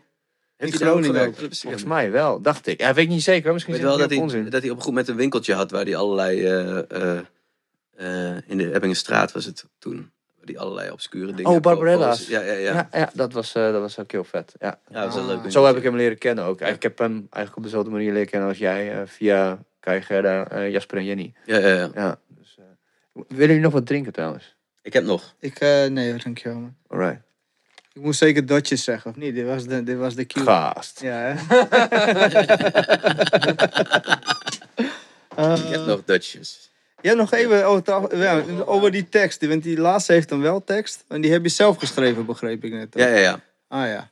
En dat, eh, wat, komt de tekst dan ook eerst of zo? Of hoe werkt dat dan? Eh, nee, het verhaal komt eerst, het idee voor het verhaal. En dan wel min of meer, oh, hier komt een gesprek over dit of dat. En dan probeer ik wel zo snel mogelijk dat gesprek ook wel te gaan schrijven. Omdat, net als dat je in, in je, in je tekeningen, in je storyboard schetst en ook dingen aanpast en verbetert, doe je dat met tekst natuurlijk ook. Je schrijft een, een, eh, een zin en vervolgens eh, denk je, ah, is toch niet goed. Of is toch, oh, is mooier als ik het zo doe. Of oh, misschien moet juist deze zin pas later, weet je wel. Dus, dat, eh, Ja, dus ik probeer wel zo snel mogelijk de woorden erbij te halen. Dus dat- Mhm. dat het niet helemaal achteraf is. Eh, oh, nu moet ik nog de tekstballonnetjes invullen. Dat, eh, kan ik me lijkt me niet goed werken. Ja, ja, ook qua beeld ook. Kan ik me voorstellen. Ja. Ja. Vet hoor. Ja, echt indrukwekkend man. Schrijven is echt een vak apart. Maar dan heb je ook nog stripschrijvers, weet je wel. Met hele dikke boeken. ja, ja. Dus eh, ja, heel cool. Nou, en dat is ook wel, als je dus teksteloos eh, een verhaal maakt. Je kan ook niet iets oplossen met een zinnetje. Je kan niet zeggen, en toen werd hij verliefd. Weet je, dat, moet je in beeld brengen. Je kan het alleen maar eh, laten zien. En je kan natuurlijk duizend en één manieren verzinnen hoe je kan laten zien hoe iemand verliefd wordt. Maar ja, het is dan ook. Mijn avontuur is dan om uit te zoeken. Hoe kan dat dan? Wat, wat is een rare manier die, waarop je dat kan laten zien? Nou, bijvoorbeeld zo'n hart wat open gaat en waar iemand binnenstapt en gaat zitten. Dan denk je, oh ja, iedereen snapt het. Maar tegelijkertijd, het is ook gewoon een. een ja, het is in in wezen een beeldmetafoor natuurlijk. eh, eh, ja, ja, Vet. Zo'n vrouw zich nestelt in je, in je soul. ja. Ja. Ik zat nog net te denken, ik, moet, ja, ik, ben niet, ik ben niet heel erg in de strip thuis, maar eh, Kid Koala ken ik, zeg maar die turntablist. Die ken jij Mhm. misschien ook wel, die is ook stripmaker, hè? Is het zo? Ja, en hij, hij, hij maakt strips bij zijn album of andersom. Dus ik weet eigenlijk niet precies hoe het gaat, maar soms maakt hij een strip en dan maakt hij daarna dan muziek erbij. En ik dacht, ja, misschien kun je die twee dan toch ook gaan combineren Ja, ja. of zo, weet je? Ik heb daar wel eens over gefantaseerd, inderdaad. Een soort soundtrack eh, of andersom. Dat je, dat je, je, ja. Maar, dus een van de dingen die, eigenlijk, die ik heel leuk vind aan strips is dat, het, dat je zelf de tijd bepaalt. Dus bij animatie of bij film, dan gaat de tijd, wordt, Oh, hij heeft letterlijk een stripverhaal erbij. Dus dit is een Ja, getekende strip en dan heeft hij gewoon, ja, ik weet, mij hoef je dat eigenlijk helemaal niet samen te zien. nee, oké, ja, ja, ja. Weet je wel? Maar ik dacht, ah, ik denk, ik doe een beetje kant als je toch weer muziek wil Ja. maken. Je hebt er Maar geen het is- tijd het is voor. misschien ook wel handig als je gewoon eerst de muziek maakt en dan het muziekje opzet en dan een beetje gaat tekenen. Kijk, hoor je, hoor je jezelf de hele tijd rappen en ondertussen tekenen. ja, ja. Oh ja, of je doet hem gewoon, zo- zoals je strips, doe je hem gewoon raploos, zeg maar. En dan je kan gewoon met, met, met Logic kun je gewoon alles tegenwoordig gewoon vet, eh, vet samplen. En terwijl je aan het tekenen bent, dan neur je gewoon, ah, dat wordt de tekst. Jongen, dan sample je gewoon die rare P-Funk plaat die oh zo duur was. En dan sample je dat. En dan komt die money er toch weer uit, man. dat is waar, ja. ja. Oh, business idee. Ja, Boom, boom, toch boom. een beetje, man. Nee, maar ik denk als ik, als ik ooit weer terecht in- kom in de muziek, dan zou ik ook denk ik niet weer gaan rappen of zo. Dan, ik, weet, niet, ik weet eigenlijk nu al dat, ik, dat, ik, dat, dat alle, al die projecten die ik in mijn hoofd heb, dat die gedoemd zijn te mislukken, zeg maar. Mm. Omdat ik niet kan zingen. Ik zou heel graag wel iets willen. Ik, ik ben heel, ook heel groot voor, lief, eh, liefhebber van doo-wop. Zoiets zou Oh, lijkt me wow. wel heel tof. Gewoon, Oh, met een groepje lui gewoon. barbershop. Maar dat bestaat toch eigenlijk niet meer of zo? Of is, dat echt, is er nu nog een doel op van die jongetjes van... Joh man, wat doe jij, wat doe jij in het weekend? Ah. Nee, maar ik ben toch oud genoeg? Ik mag toch Nee, inmiddels jij wel mag gewoon... dat is waar. Ja, leeftijd is bij jou geen probleem. Nee. moet je gewoon allemaal van die, moet je ook gewoon van die strakke, gewoon van die grease eh, haartjes Ja. hebben. Ja, heel strak, heel mooi. en Allemaal zo. Het is wel echt een, Ja. echt een kunst, man. Het is Ja. echt super vet. Ja, nou, ik, voel, ik denk dat het in de Verenigde Staten heb je vast nog wel groepjes die dat, eh, die dat soort Ja, dingen hè? doen. Maar, ja, dus ik weet eigenlijk al dat dat niet, niet gaat worden. maar het is leuk Kun je om daar niet een strip over maken? Over al je, al je ideeën voor eh, al je projecten die, van, eh, voor muziek die hem toch niet gaan worden, zeg maar. En dan teken je ze gewoon allemaal uit en, en dan misschien worden ze hem wel in de strip, misschien worden ze hem ook weer niet. Zeg Ja. maar. Ja, maar ik denk, ben een beetje bang dat ik dan depressief word. Als ik... Ja, ja. Ah, ja. ja het is, eh, ik bedoel, eh, ik, ik, ik ga ervan uit dat je meerdere genoeg ideeën hebt, maar het spreekt gewoon tot de verbeelding. Zie, ja, ja, je ja, merkt, ja. eh, wij gaan ook dingen Maar ga je van jou- maar los ja, dat is goed. Ja, ja, ja, dat snap is je? waar. maar ja. je, je, je- je hebt het volgens mij, je weet al, je zit waarschijnlijk al in je kamertje de nieuwe...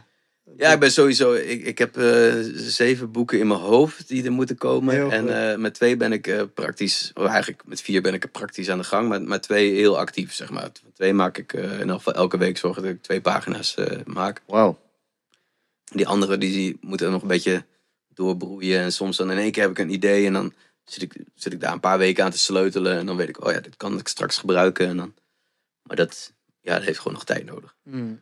Maar zie je jezelf ook als ondernemer? Eh, als vrij beroerd ondernemer misschien.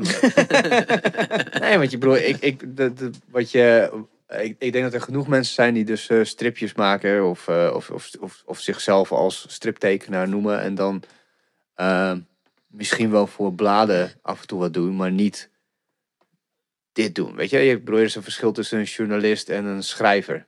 Mhm. En, en er is een verschil tussen een dagblad striptekenaar of gagtekenaar en een, en een eh, graphic novel tekenaar. Ja. ja dus, dus, maar jij doet beide. Ja, maar ik denk dat, dat nou, mijn liefde zit in verhalen vertellen. Dus, dus eh, langere verhalen. Maar ik heb ook, soms heb je gewoon een idee de- voor een kort verhaaltje of voor een gag of, of iets. En dan, of soms heb ik gewoon een idee nodig omdat ik een deadline heb. Dan, dan, eh, dus, en ik vind het leuk om te doen, maar als ik, als ik eh, opeens moest kiezen en ik mocht eh, mijn hele leven lang nog maar één ding doen, dan zou ik, eh, zou ik graphic novels maken of st- langere verhalen maken. Ehm, maar ik heb dus de, ook de luxe dat ik gewoon dat kan doen, omdat ik eh, geld verdien met, met, eh, Met je werk. ja, met Met lesgeven. lesgeven, ja. Omdat, weet je, die boeken ver- verkoop, tenzij je een hit hebt, is, dat is echt, dat is, la- als je dat uitrekent in uurloon, dat is gewoon, eh, eh, zeg maar, eh, vakken vullen minus, eh, eh, nee, dat is, het is echt gewoon, Pakken vullen in Bangladesh. ja, ja, ja, zoiets, ja, Ja. Oké, maar eh, ik bedoel, geef je dit dan in eigen beheer uit? Want Ik zag natuurlijk de bezige bij en dat soort... Ja, daar was ik ook benieuwd. Eh, nee, eh, dus de eerste boek is inderdaad bij de Bezige Bij uitgebracht. En die, die hadden, ik weet niet of ze dat nog steeds hebben, maar die hadden toen eh, Oog en Blik. Dat was de eh strip eh, afdeling van eh, de Bezige Bij. En die man van Oog en Blik, die is daar weggegaan, die is Scratch begonnen met, met, een, met een partner. En toen ben ik eigenlijk met hem mee verhuisd. Maar je hebt gewoon een uitgever, dus dat is al goed geregeld. Zeg. Ja, ja, ja, dus dat gedeelte vind ik wel belangrijk. Dat, dat er gewoon. Mijn doel is, is niet om hier rijk van te worden. En ik heb, ik heb ook het vermoeden dat dat nooit gaat gebeuren. Maar ehm, ik wil wel het publiek bereiken die dit mogelijk heel leuk vindt, zeg maar. Dus, en daarvoor, weet je, ik ben gewoon niet een, iemand die gemakkelijk zelfdistributie of, of eh, weet ik veel, de hele tijd met drukkerijen in de weer of promotie vind ik ook vrij moeilijk. Dus, dus dat gedoe met, met eh, Instagram en zo, dat zijn ook niet echt mijn. eh, eh, voor mij is dat allemaal niet soepel. Ik wil gewoon liefst tekenen en dan gewoon een goed boek maken en dan Ja. eh, eh, dat de rest een beetje eromheen ge- gedaan wordt. Maar hoe werkt het dan met een uitgeverij? Van, jij komt met een idee, je pitcht het en je laat wat, wat, wat, wat schetsjes zien. En dan zeggen ze van ja, is goed joh. Eh, Ik bedoel, nee, dat is niet waar. Du- Dus, dus in de schaduw van mijn lul had ik, had ik voor de helft af. Sorry hoor. Ik ben ook wel gewoon af en toe gewoon 12. hoor. ja, goed, daarvoor geef ik het ook zo'n titel natuurlijk. Ja, eh.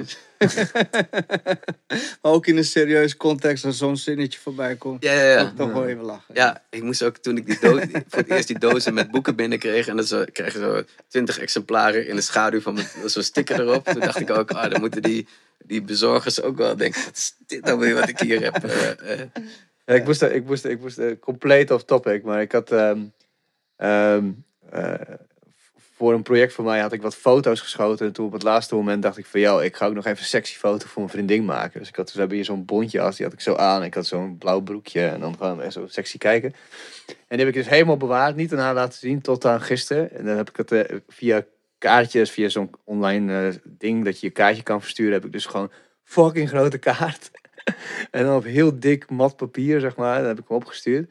En ik dacht toen op een gegeven moment van fuck. Ik weet niet precies of dit helemaal geautomatiseerd is. Of dat iemand dit ook daadwerkelijk, zeg maar, in die envelop doet en dan verstuurde. Dan zit hij dus gewoon. ja, en wij weten er nu van, dus wij gaan op zoek. En dan dat ding zo snel mogelijk op... ah, ik wil hem eh, best wel even in de appgroep gooien. Yo. Zo, nul, jongen. Nee, maar ehm, ja, de bezorger die in de schaduw van mijn lul. Ja.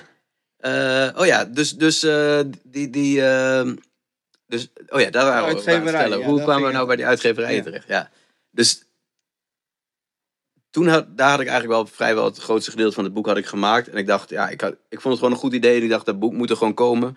En eh, ik zie wel hoe. En toen eh, ben ik bij die uitgeverij, die, die was meteen enthousiast. Dus dat was redelijk snel geregeld. En toen kwam ik met het idee voor iedereen op Claudia bij, weer bij hun.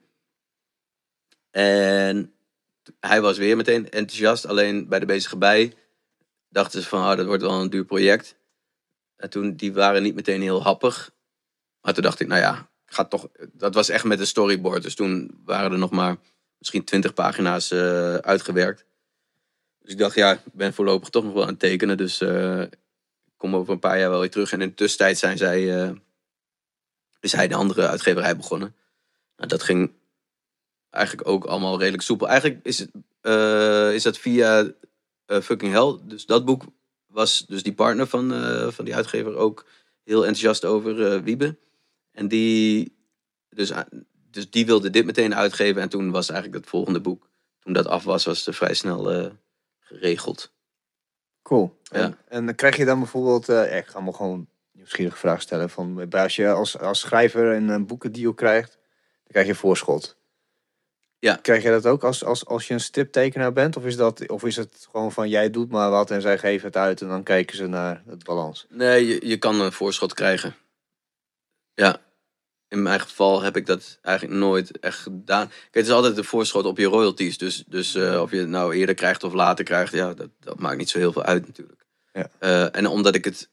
Ik ben toch de hele tijd aan het tekenen, dus, dus ik ben niet zo heel erg afhankelijk van een voorschot. Voor sommige andere mensen is het natuurlijk belangrijk. Oh, ik ga daar eh, een half jaar tijd aan- insteken, dus ik heb gewoon geld nodig om dat te doen. Ja, ja. Zoals je net uitlegt, hoef je dat natuurlijk. Nee, Ja, luxe.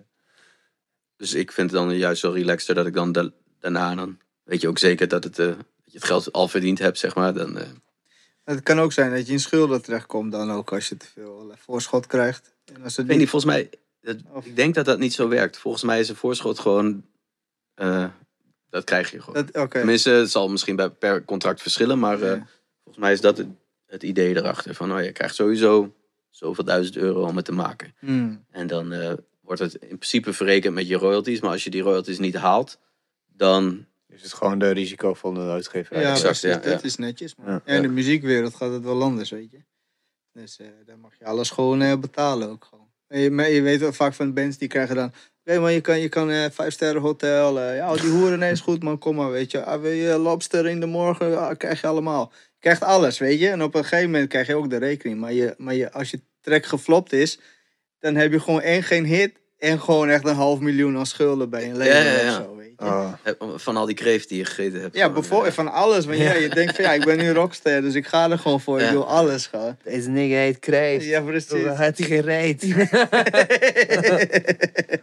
ja. ja, nee, maar dan is dat wel eh, veel humaner, zeg maar. Ja. Georganiseerd. Ja, ik denk dat dat.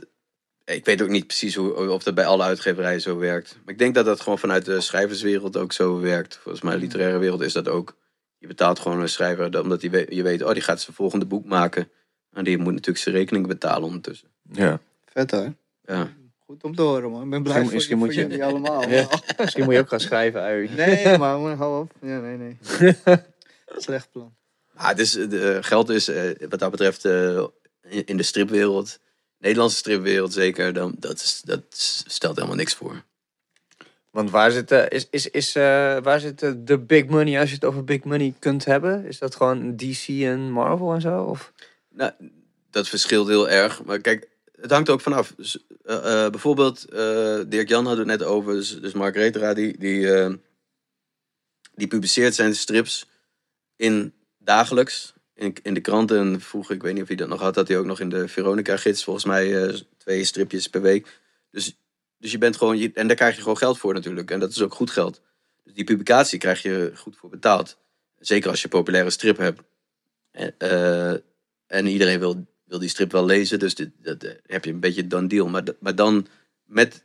Als je die, hij geeft dus ook zijn eigen boeken uit. En nou, dat wordt ook overal verspreid. Dus, dus daar, hoef, daar zit helemaal geen uitgeverijen meer tussen. Dus dan in plaats van 10% krijg je in één keer ja, 40% of zo. En dan zullen vast nog wat rekeningen van betaald moeten worden. Maar in wezen is het dan wel... eh, dat is gewoon, want die strips zijn al gemaakt. Je hebt niet eens extra tijd nodig om die strips Oh, te maken. het zijn, het zijn eh, collecties als het Ja, ja, Hij ja. brengt het Oh. apart uit. Ja, oké. dat Precies, ja. Oh, wat ja. sick. Oh, slim, En slim. dat doet Ja. hij gewoon eh, zelfstandig ook nog. Ja, het of- ja, dat hoort ja. bij zijn bedrijf. Dan eh, is dat, ja, als zelfstandige is Aha. dat gewoon... eh, Vet hoor. Maar is het een groot wereldje, de Nederlandse stripwereld? Of ken jij iedereen eigenlijk? Ik ken niet iedereen, maar het is eh, maar wel een hele hoop. En het is een klein wereldje. Wel een heel sympathiek wereldje. Hmm. Dus eh, we hadden het net even over die graffiti scene. Dat is in de stripwereld helemaal niet aan de, aan de hand. Ah, Ja. jammer man. Je Ja. loopt elkaar niet te trash talken Nee, in je stripje, precies. zeg maar. Nee, nee, nee. Ik heb gewoon over jouw strip geschreven, maar heb ik hem uitgebracht. Andere kaft omheen Ja, eh, zetten. Nee, het is... En dat heeft ermee te maken dat die... Dat die het, is, het is gewoon best wel moeilijk voor stripmakers om gewoon eh, goed gepubliceerd te worden, goed eh, geld te verdienen, eh, aandacht te krijgen, et cetera. Dus eigenlijk elke winst voor wie dan ook in de strip is een winst voor de hele strip scene. Dus, dus wat dat betreft ken ik maar weinig. ik ken, eigenlijk niet een andere scene die zo collegiaal en zo. ja, die eigenlijk allemaal gaan voor hetzelfde doel, zeg maar. Hmm. Maar dat heeft ook te maken met dat het gewoon een hele kleine markt is. Er zijn weinig mensen die strips kopen. Te Ja. weinig. Ja, ja, ja. En het, het moet heel eerlijk zeggen dat dat ook... Aan de ene kant zou ik dat heel graag willen of zo, maar het is echt nooit mijn ding geweest of zo, strips. Nee, het is heel lastig. Ja. Dus, dus, dus eh, Bijvoorbeeld Tom, onze, ja, onze collega hier, die, eh, die, eh, dat is echt een stripfan. Die, die snapt al die shit. Ik heb in mijn leven één stripboek gekocht. Dat was Alien vs. Predator. Omdat ik gewoon Predator had gezien. Zo fucking awesome vond. Nee, maar dus, dus er zijn er heel veel redenen waarom dat allemaal vrij ehm, moeizaam is op dit moment in Nederland. Eh, In België en Frankrijk bijvoorbeeld en Spanje en Italië is het veel minder een eh, issue. Zeker die drie zuidelijkste landen. Maar, maar ehm, in Nederland is, is eigenlijk de strip scene... Wat je nodig hebt is natuurlijk kinderen moeten strips lezen. En vervolgens gaan die, worden die ouder en die gaan, weet ik veel, andere strips lezen. En dus je moet een soort van, zolang je die, die kinderen niks geeft, ja, gaan, ze gaan niet op hun twintigste nog denken, oh, er bestaan ook strips. Nee. Dan bestaat er zoveel meer, wat je ook allemaal eh, interessant is en, en eh, leuk kan zijn. Als je, als je nooit hebt ontdekt wat er leuk is aan lezen of, of strips lezen, ja, dan ga je dat niet op latere leeftijd. Sommige mensen misschien, Maar dat is een, maar een klein percentage. En, en voor, voor jongeren en voor kinderen zijn er gewoon te weinig strips. Gewoon het, eh, te weinig goed aanbod, zeg maar. Ali- Alien vs. Predator is natuurlijk op, op dat moment was dat, had dat voor jou een ingang kunnen zijn. Als er nog andere Alien strips in de buurt waren voor Ja, jou. ja, ja. En dan was je opeens en dan, eh, oh, er is ook nog een strip over eh, Predator ver- versus Captain America. Nou, dan vervolgens zit je in die Marvel comics of zo en dan begin je dat te lezen Ja, en dan ontdek je. precies. Dus dan, dan, ja, het is ook een kwestie van, van leren lezen gewoon. Ja, dat ding was ook echt super duur, zeg maar. Het was ook echt gewoon eh, zo'n hele mooie, dure... Ik heb hem nog steeds. En eh, ik was wel zwaar... Het was aan de ene kant super blij mee, want er waren echt super knappe chicks erin getekend. Heel geil allemaal. En ik was tien, dus ja, dat ik had nog nooit zoiets gezien. Ja. En aan de andere kant eh, was er geen Schwarzenegger in. Dus ja, dat vond ik dan weer een tegenvallen. Ja. ja. Als je moet kiezen, dan. eh. ja, nee, nee, ik zou hem altijd nog een keer gekocht hebben hoor. Als ik weer... ja, ja, ja. Nee, maar, maar eh, eh, dat is ook wel een ding. Dat het, gewoon, het is gewoon prijzig, strips. Als je dat vergelijkt met een hele hoop andere dingen. Zeker online dingen, weet je wel. Dat is eh, eh, eh, ja, veel goedkoper natuurlijk uiteindelijk. eh. een film kijken of een... Ja, het kost, kostte 15 pond. Ik heb hem in Londen gekocht. En dat, dat, dat was dan 45 gulden. ja, Goeie oude Ja. pondtijd Ja. ook. Ja. Dat mijn moeder echt gewoon de helft bij had gelegd van... ah, Oké, nou je wilt het zo graag. Hier dan... eh Ja. Niet Ja, eens ingebladerd. Als er ingebladerd had, dan had ik hem niet gekregen, denk ik. Maar, Nee, maar het is, ja, het is gewoon drukwerk. En, en kleurendrukwerk meestal. Dus dat, ja, het zijn gewoon... eh, En de tijd die erin zit om het af te maken ook. Ja. Maar je bedoelt, het- je bedoelde trouwens over dat tekort voor kinderdingen. Heb je het dan over iets van er zijn geen nieuwe Suske en Wiskes of zo? Bedoel je dat ja, zo? dus je hebt Suske en Wiske. En eh, zo heb je in België nog... eh, lopen dus kinderstrips tot, tot 12, 13 lopen eigenlijk best wel goed. Dus je hebt dan, eh, weet ik veel... Suske en Wiske, FC de kampioenen. Kuif, ik heb. Kuifje vroeger gelezen. Dat heb ik dan wel weer gedaan. Ja. Ja. Dat, en dat is dan eigenlijk weer een, alweer een wat oudere generatie. Dus dat, is nu, dat was ja, mogelijk voor ons nog wel. eh, Maar hoewel kinderen dat ook nog steeds leuk vinden, ook Kuifje en, en zeker Guust. Maar eh, er is vooral die, die fase vanaf dat je 12 bent of zo, dan is er eigenlijk net niet een goede overgang. Iets Mm. wat je. Wat je Niet die DC-shit, dat het een beetje duisterder wordt. ja, en, eh, nou, bij mij werkte het. Toen ik, toen ik die leeftijd kreeg, toen ging ik inderdaad eh, eh, superhelden. eh, en dan inderdaad die wat, wat eh, grimier eh, verhalen allemaal. Die begon ik dan interessant te vonden, vinden. Dus je moet, ja, je hebt het gewoon. eh, Het, het werkt natuurlijk als, als je als kind, eh, weet ik veel, opeens een Fellini-film voorschotelt. Je zal er nooit iets aan vinden. Maar een, maar een 20-jarige die nog nooit een film heeft gezien, zal er ook niks aan vinden. Dus je moet opbouwen. je moet ze eerst iets, iets geven wat. dat ze gewoon leren dat het medium leuk is. Dus een film is leuk. Oh. En, eh, en eh, hoe ouder je wordt, beg- begrijp je, oh, dat is, daar kun je dingen mee doen. Het is niet alleen maar dat recht toe recht aan verhaal, eh, helder verhaal. Maar je kan er ook mee spelen. En dan, als je dan opeens Fellini krijgt, ja, dan is het iets anders. ja. Dan bedenk je, hey, fuck, dit, is, dit gaat ergens over. Die is aan het spelen met, met wat, wat ik leuk vind. En dat is bij strips, ja, werkt het hetzelfde natuurlijk. Mm, mm, mm. Wat, wat geef je zo al mee aan je studenten? Als je zo bezig bent. Wat zijn de drie vuistregels waar je, waar je altijd op terugkomt? Of heb, heb je dat? Ehm, in elk geval produceren en experimenteren. Dat zijn de twee belangrijkste dingen waar ik eigenlijk de hele tijd op hamer. En ik, want ik vind ook dat mensen voor altijd moeten pro- produceren en experimenteren. Dus je moet altijd nieuwe dingen proberen, uitproberen. En je moet altijd aan het werk zijn. Dus eh, in die zin wel een, een vak waar je discipline voor moet hebben. Of in elk geval, je moet, het echt, je moet er echt van houden.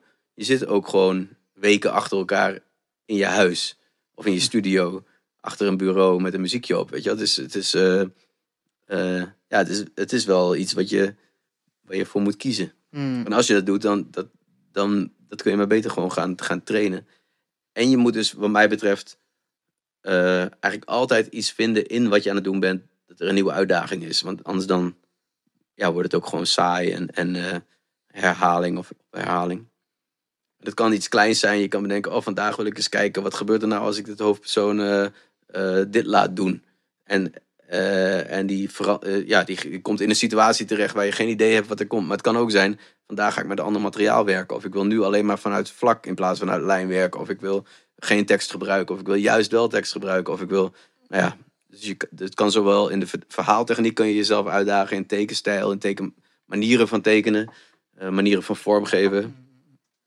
Ja, dat, dat is het hele avontuur. Dat vind ik zelf het leukste ervan in elk geval. Is gewoon, sky's the limit. Er is zoveel wat, wat er allemaal kan, weet je wel. Dat is, eh, en, en het is nog maar in wezen een modern medium, dus het is nou, ruim 100 jaar oud. En is nog lang niet alles is uitgezocht, maar. Er kan nog zo ongelooflijk veel. Maar waarom komt het dan altijd weer terug op porno?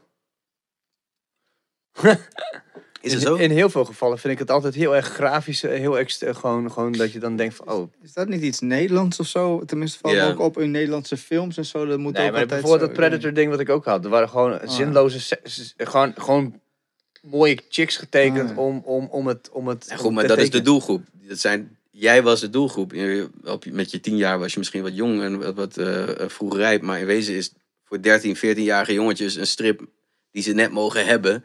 En er staan halfblote vrouwen in. Ja, dat is gewoon masturbatiemateriaal natuurlijk. Ja, ja, Dat is gewoon wat het is. Maar, Rooi, rode oortjes had je vroeger ook, toch? Ja. dat soort dingen. Maar zeg maar, hier, eh, ik denk ook dat het iets Nederlands is. Dus, dus bijvoorbeeld, ik, vind, ik krijg mijn boeken, omdat er zo best wel expliciete grafische porno in zit. Of porno, zit- het is geen porno, wat mij betreft, seks in zit. eh, krijg ik het dus moeilijk internationaal verkocht. Omdat er heel veel landen, voor, voor heel veel landen is het te extreem. Ja, dat vroeg ik me al af Ja. inderdaad. Want ik dacht, oké, want je hebt geen tekst, heb je erin. Dus in, in principe zou je internationaal kunnen gaan. Maar je zit wel met cultuur. Zeg maar, grapjes die hier grappig zijn, zijn bijvoorbeeld dan in Spanje. Dan snappen ze dat helemaal niet. Eh, ja, maar dat is ook wel weer, want ik lees ook strips uit Spanje. Oké. En dan vind ik dat juist leuk. Dat ik dan denk, oh ja, dit is, ik, le- ik lees nu een Spaanse strip. Daarom Mhm. Eh, eh, krijg ik dit soort humor. Of krijg ik deze manier van vertellen. Of oh, dit is typisch Frans. Of dit is, dat vind ik juist wel leuk. Dus maar dat is ook als maker, denk ik, en als echte kenner. Denk ik, voor een breder Ja. publiek kan voorstellen dat je dan denkt... Ja, hm. ik weet helemaal niet wat, die, wat de Spanjaarden het over hebben, zeg maar. Ja, Ja, nou ja, ik, ik denk wel. Dus, dus bijvoorbeeld eh, zoiets als e- expliciete seks. Dat zal in de Verenigde Staten gewoon niet verder komen dan de grens, zeg maar. Want dat gaat niet in de, in de winkel. Het gaat, geen uitgever gaat dat verspreiden, omdat het, of eh, uitgeven, omdat het te, te veel is. Tenzij je Robert Crumb bent, die, die in de jaren 60 en 70 eh, eh, ja, de, de underground comics heeft geïntroduceerd met, een- met een hele groep anderen ja, dan heb je al zo'n lange staat van dienst en dan ben je gewoon al een, dan ben je al een baas, zeg maar. Dus dan, dan, eh, maar als je dan als, als Nederlander daar komt met een tekstloze strip die eh, helemaal vanuit beeld en er zitten ook nog hele expliciete dingen in, ja, dat is moeilijker. hm. Maar heb je wel ambities om dat te doen? En zou je dan ook je werk daarvoor willen aanpassen? Ja, allebei. Ja, Ah, heel goed. Wat leuk. Ja. Ja, inderdaad. Dat komt in die twee boeken die je, waar je nu simultaan... ja ik, heb nu, eh, ik ben nu bezig met twee boeken waar helemaal geen seks in zit. Wat? Ja. Je- Overal zo Go USA staat er. Overal vlaggetjes. zo. Trump is king. Ja, ja, ja. In een hoekje steeds. Eh, Ja, slim man. Ga ervoor man. ja. Ja, pak ze allemaal. Zo doe ik het, ja. Nee, weet je, ik vind... Ik, ehm, dus dus in, in beide boeken zit eh, Fucking Hell en Iedereen op Claudia, die laatste twee, zit echt ex- extreme seks in, maar die heeft... eh, is functioneel naakt, zullen we maar zeggen. Dus dat zijn, zijn echt essentiële onderdelen van het vertellen. Daarom is het ook geen porno. Het is niet... Je, ik, ik geloof niet dat er een kind een stijve kan krijgen van, van, eh, van mijn boeken. Dat is gewoon... eh, eh, dat, zo, zo is het niet gemaakt. Eh, eh, misschien, misschien Theo, die als hij, eh, Ja, als toen, is ja, of zo, ja, ja. ja. Man, man. ik wil deze. Ik wil deze. Maar, maar dat, eh, dus, dus die, maar ik, het is niet het enige wat ik leuk vind om te vertellen. Voor mij hoeft er niet per, ik, ik, ik eh, lees genoeg strips en ik, en ik lees genoeg boeken en, en kijk genoeg films zonder seks die ik ook leuk vind. En dit, ja, ik heb zelf ook genoeg ideeën voor verhalen waar geen seks in is, dus ja, waar, dat hoeft niet. Ja. Eh, maar wel als ik het nodig heb, dan ga ik het niet, niet doen omdat ik dan een... eh, omdat Je ik kunt hem ook ben je kan het eh, ook pixelig maken, toch? Net als... Ja, precies. Het is geen taboe voor je, zeg maar, als, als het nodig is. Het is een soort eh, tool wat je hebt. Wat je kan Ja, ja, gebruiken. exact. Ja, ja. En nu heb ik gewoon twee verhalen waarvan ik wel... Die heb ik wel eh, bewust gekozen om daar nu aan te werken. Omdat ik denk, ja, hier heb ik het niet nodig. En ik wil... Omdat ik... ja, langzamerhand ben ik een soort van, oh ja, ik hoor, ik hoor bij die sekshoek, weet je wel. Terwijl ik mezelf helemaal niet zo zie, maar omdat er seks in mijn, in mijn strips zitten, eh, ja, dan is dat in één keer een ding, zeg maar. Dus, Mm. dus ik heb wel een bewuste keuze van, oh ja, dat ga ik nu even niet doen. Even laten zien dat het ook, ook gewoon zonder kan. Ja, Dat is mooi. En heb je, kun ik, heb je al een tipje van de sluier die je zou kunnen oplichten over waar het in ieder geval eentje over gaat? Ja, ik ben nu, dus er zijn twee verhalen, dus, of twee boeken. Eentje is eh, in wezen de Griekse mythe van Echo en Narcissus. Ben ik eigenlijk aan het hervertellen, tekstloos. Shit. Eh, eh, maar ook weer vrij absurd en heel beeldend en ook heel erg, ehm, ehm, ja. Ik ben dus ook heel erg bezig met, bijvoorbeeld Echo is iemand die kan niet praten. Dus dat is een tekstloos verhaal, dus daar ben ik dan ook mee aan het spelen van, eh, hoe werkt dat dan? Hoe kan ik dan uitbeelden dat ze, ze kan op een goed moment wel alleen maar mensen napraten. Nou, dan moet ik dan een keuze of iets over beslissen, hoe ga ik dat dan oplossen, zeg maar. Dus dat is voor mij dan weer de uitdaging hoe ik dat ga doen. Eh, dus het is, en tegelijkertijd heb ik, is er nog wel een andere soort laag die er doorheen loopt. En, en ik, er zit dan ook nog weer een gek element in dat het ene verhaal van Echo begint aan de ene kant van het boek, zeg maar aan deze kant. En als je het boek omdraait, dan begint het verhaal van Narcissus en dan loopt het langzaam al naar me toe. Dus ja, daar ben ik allemaal, dat, dat soort puzzelen vind ik heel leuk. Om te kijken van wat kan je met zo'n, met, het, met de vorm, wat kan je met het medium, wat kan je met manieren van vertellen van, van zo'n ding. Dus dat, daar, eh, daar ben ik mee bezig. En ik ben nog een ander ding, dat is, dat zijn eigenlijk allerlei korte verhalen.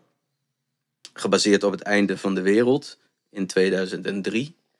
En, eh, Mhm. en daar, al die korte verhalen zijn ook samen weer één verhaal. Dus dat zijn de twee projecten waar ik nu aan, eh, aan werk. En die korte verhalen zijn dan ook weer, dat is ook weer, heeft ook weer met strategie te maken. Dus ik hoop dat als ik er zo, ik heb er nu twee af. Als ik er zo meteen drie of vier heb, dat ik, er, dat ik ook naar internationaal naar wat verschillende tijdschriften kan sturen. Om gepubliceerd te worden. Dat ik dan ook ja, een beetje voet aan de grond krijg in verschillende landen, zeg maar. Cool. Ja. Mooi man. Dus ja, die ambitie is er. En, en eh, eh, daar probeer ik wel rekening mee te houden. Van hoe kan ik dat nou daar krijgen? Hmm. En dat heeft ermee te maken dat ik niet zozeer dat ik wereldberoemd wil zijn of zo, weet je. Maar wel dat ik. Ik, vind het, ik zou het jammer vinden als er in Japan iemand is die mijn strips leuk vindt, maar die heeft nog nooit van mij gehoord. Weet je wel? En die weet helemaal niet dat mijn strips bestaan. Terwijl die wel een, van, een onderdeel van mijn doelgroep is, zeg maar. Dat, Mm. dat, dat is wel, wel mijn ambitie. Dat gewoon zoveel mogelijk mensen gewoon die, het, die de- van dat soort strips houden. Het zijn natuurlijk experimentele, eh, eh, eh, ja, niet zeg maar, het zijn geen mainstream strips. Het is echt voor, eh, wel voor een bepaalde liefhebber.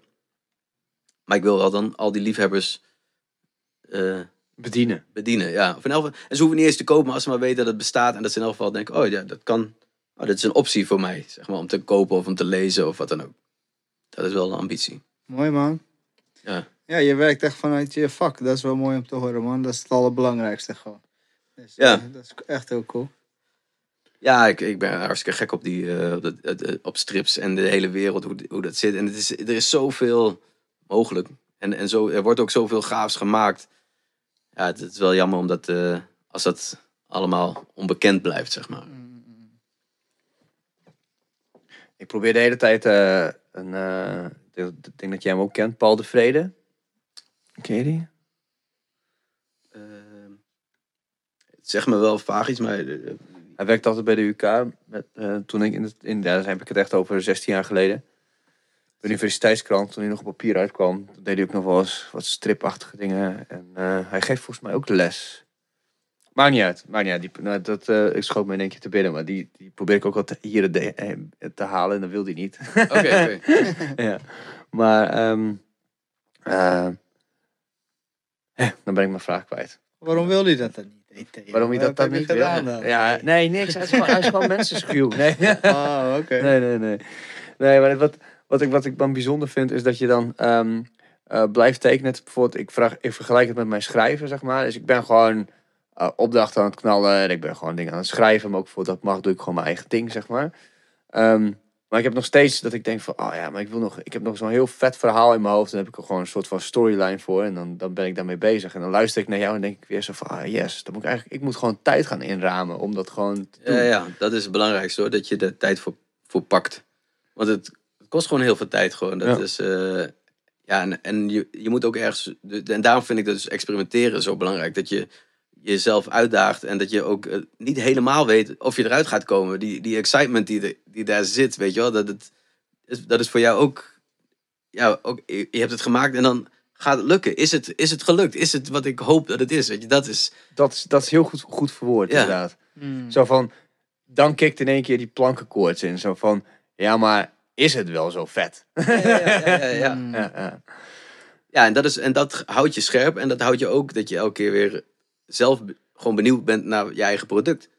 En Dat, wat, ik, wat ik heel vaak heb is bijvoorbeeld, dan, ehm, dan heb je iets geschreven en vind je het zo vet. En dan, eh, dan, dan, dan heb je het gepubliceerd. En, eh, en dan kijk ik af en toe zo van, oké, dan heb ik het op Facebook gezet. Ik heb het op Instagram gezet. Het is gewoon een fucking goed interview bijvoorbeeld. Maar dan denk ik bij mezelf, ah shit, ja, misschien had het toch, als ik het nu even snel doorlees. Misschien had ik dit toch even anders kunnen zeggen, even anders kunnen doen. Maar ja, het staat er al op. En dan, eh, en dan, dan praat ik het helemaal naar beneden. En dan de volgende dag word ik wakker. En dan check ik het. En dan heb ik allemaal berichten binnen. Van, oh, echt vet goed. Het is vet chill. Thanks, dankjewel. Goed. Weet je, dan denk ik van, "Ah, ik had gelijk, ik had gelijk. Maar iedere keer toch dat imposter syndrome. Van, misschien, misschien komen ze nu in één keer achter dat ik helemaal geen reet kan, joh. Ja, ja, ja. ja maar soms, en juist als je natuurlijk eh, dingen aan het uitproberen bent die, die voor jou nieuw zijn, dan, weet je, dan kun je het ook niet weten. Nee. Dus ik heb wel, toen ik met Claudia bezig was, toen heb ik wel na vrijwel, eh, bij, bij de eerste versie van mijn storyboard heb ik het aan drie, vier mensen laten lezen. En eh, na vijf jaar of zo, toen heb ik het ook maar weer naar een groep mensen gestuurd, want ik kon het zelf helemaal niet meer zien. Mm. Is het überhaupt nog goed? Is het leuk? Is het. eh, Nou, dat vonden ze gelukkig wel. Maar, maar eh, dat is wel heel raar dat je dan gewoon echt even niet meer weet wat je eigenlijk. eh, wat de kwaliteit is. Kon je gewoon zelf. Want je zit er Ja. zo in. Het is voor jou zo Ja, gewoon. eh, eh, ja. Het is eigenlijk een must, die feedback wel. Om te zien Ja, ja, gewoon ja. van waar sta je dan eigenlijk. En soms ver- ver- verdwaal je in je eigen hoofd eigenlijk. ja. En dan denk je van ja, net als eh, met, een beetje met wit verven op de muur. Op een gegeven moment weet je helemaal niet van, joh, is het, wat is nog wit? Je gaat gewoon nieuwe vlekken zien. Ja, precies, ja, precies. Ja, inderdaad. ja. Zo van, joh, je moet echt binnenkomen van, joh, is de shit wit of niet, man? Ja. White as snow, man. Ja, nee, maar dat is wel. eh, het is natuurlijk wel belangrijk. Maar moeten we nog zeven jaar wachten op die twee boeken? Of, eh, Nee, nee, nee. Dat, dus dat ene, die, die, eh, die korte verhalen, dat is. Nou, alle, beide verhalen. hoop ik volgend jaar af te hebben. Misschien spreek ik een beetje voor mijn beurt. Maar in elk geval, minimaal één van die twee boeken, die heb ik volgend jaar af. nou, daar gaan we je echt aan houden. Als ze uit zijn, dan moet je echt even komen. ja, zo heel Ja, vet leuk, ja. Ja. Graag. En eh, nou, misschien even wat afrondende, wat afrondende dingen. Heb je nog een vraag eh, nee, voor de helderheid, je kan, ik- die, die boeken kan je alleen in Groningen kopen? Of zijn ze ook bijvoorbeeld bij Nee. Bol of ja, zo? je kan ze ook gewoon op bol.com bestellen. Oké, dat is mooi. De betere striphandel heeft het en de betere boekhandel heeft het ook. Oké. Want dan liggen ze er. Want wat is de, de oplage van zo'n boek? Weet je? Eh, tw- eh, volgens mij van allemaal, denk ik, zou ik uit mijn hoofd zeggen 2000 stuks. Zo, dat is Ja, veel. Ja. Dat is mooi. ja, het is wel veel, maar tegelijkertijd als je het vergelijkt met eh, literair werk of zo, dan, dan eh, het, is, het is wel een, eh, ook een beetje de, de, tenzij je dus een bestseller bent voor strips, dan, dan kun je opeens wel, weet ik veel, 10 tot 20.000 eh, stuks verkopen. Maar ja, stel je voor dat je een bestseller bent in, en, en je hebt een roman geschreven, dat is, gaat gewoon in één keer over, eh, weet ik veel, half miljoen of een miljoen, ik weet, weet ik Ja, veel. ja, eh. ja, daar heb je wel eh, gelijk in. Ja, je hebt natuurlijk wel meerdere uitgaven. Dan één Ja. uitgave, ja, tweede. Ja, ja, ja. En dan zijn royalties in één keer ook echt interessant geld, zeg maar. Dan, eh, dan verdien je daar gewoon, eh, dan kun je een huis van kopen dan, bij wijze van spreken. Ja, weet je wel. precies. Nooit meer tekenen. Ja, dat- of gewoon, al die, al- gewoon heel veel boeken Altijd, kopen. eh, dat ja, is gewoon. eh, Ja, ja. Ja. Leuk man. Ja. Cool. Dankjewel dat je er was. ja, leuk. Ja, het was Ging een- snel. Is het nu al twee uur voorbij? Ja, bijna joh. Eh, Ja. ja, ja, Oh. zit op 1 uur 40 nu. Ja. Ja, ik dacht we kunnen nog, nog een- of, heb- of wil je nog wat vertellen? Dat mag wel. Heb je Ja, nog een ja, mooie funkadelic ja. anekdote? Inderdaad. Ehm, even kijken. Nou, wat wel leuk is om te vertellen, dat ik toen ik 18 werd, op de, op de dag dat ik 18 werd, toen eh, was, was eh Parliament Funkadelic hier in Groningen. En toen eh, kwamen toevallig Michael Hampton, de eh solo-gitarist van... eh Diaper kwamen- Man? Wat zei je? Zo die diaper gast? Die, Nee, nee, nee, dat is eh, Gary Scheider. Nee, dit is eh, Kid Funkadelic. Dus die eh, was ook al op zijn 16 of zo, zat hij daarbij. En die kwamen toen in de stad tegen met Ulrich, Shockwave. Ja. Die, die kwamen hem toen tegen in de stad. Die dacht, die heeft het toen meegenomen naar eh, eh, het huis waar wij al helemaal eh, in onze P-Funk kleren eh, zaten te, Nee, ja. plaatjes te luisteren. En toen eh, hebben we daar een beetje met hem nog gejamd. Zijn we nog naar, die, Oh, naar, yo. naar Rikkers, naar die baswinkel geweest. En nou, toen zijn we dus die avond ook nog met hun nog, eh, en eerst nog, en nog naar deze eh, met z'n allen. En daar waren nog meer van die, van die leden en daarna nog... eh, dus dat was de dag dat ik volwassen werd. Toen eh, heb ik dat allemaal meegemaakt. Oh, yo, dat is echt super sick verhaal eigenlijk. Ja, inderdaad. Dat is heel grappig. En toen, eh, George Clinton heeft toen nog zo'n klein eh, eh, atomic dogje in mijn eh, blackbook, mijn graffiti blackbook eh, getekend. Oh Die shit. heb ik nog steeds, ja. Wow, dit is wel echt. Dit... Wauw, dit is wel ultimate respect, joh. Ik, heb, ik, ik heb een keer ehm, eh, George Clinton eh, in een kaartje zo van, ja, ik weet veel, dat ik hem zo vet vond en dat ik allemaal zo'n inspiratiebron vond. En had ik wiet ingeplakt, had ik mijn eigen teelt. Dat is echt jaren geleden. En eh, toen eh, was hij ook in Oosterpoort. En ik gaf het zo aan hem zo. En die gast was echt, ik weet niet wat hij op had. Maar die greep het zo uit mijn handen zo. Die keek er zo vet verdwaasd in.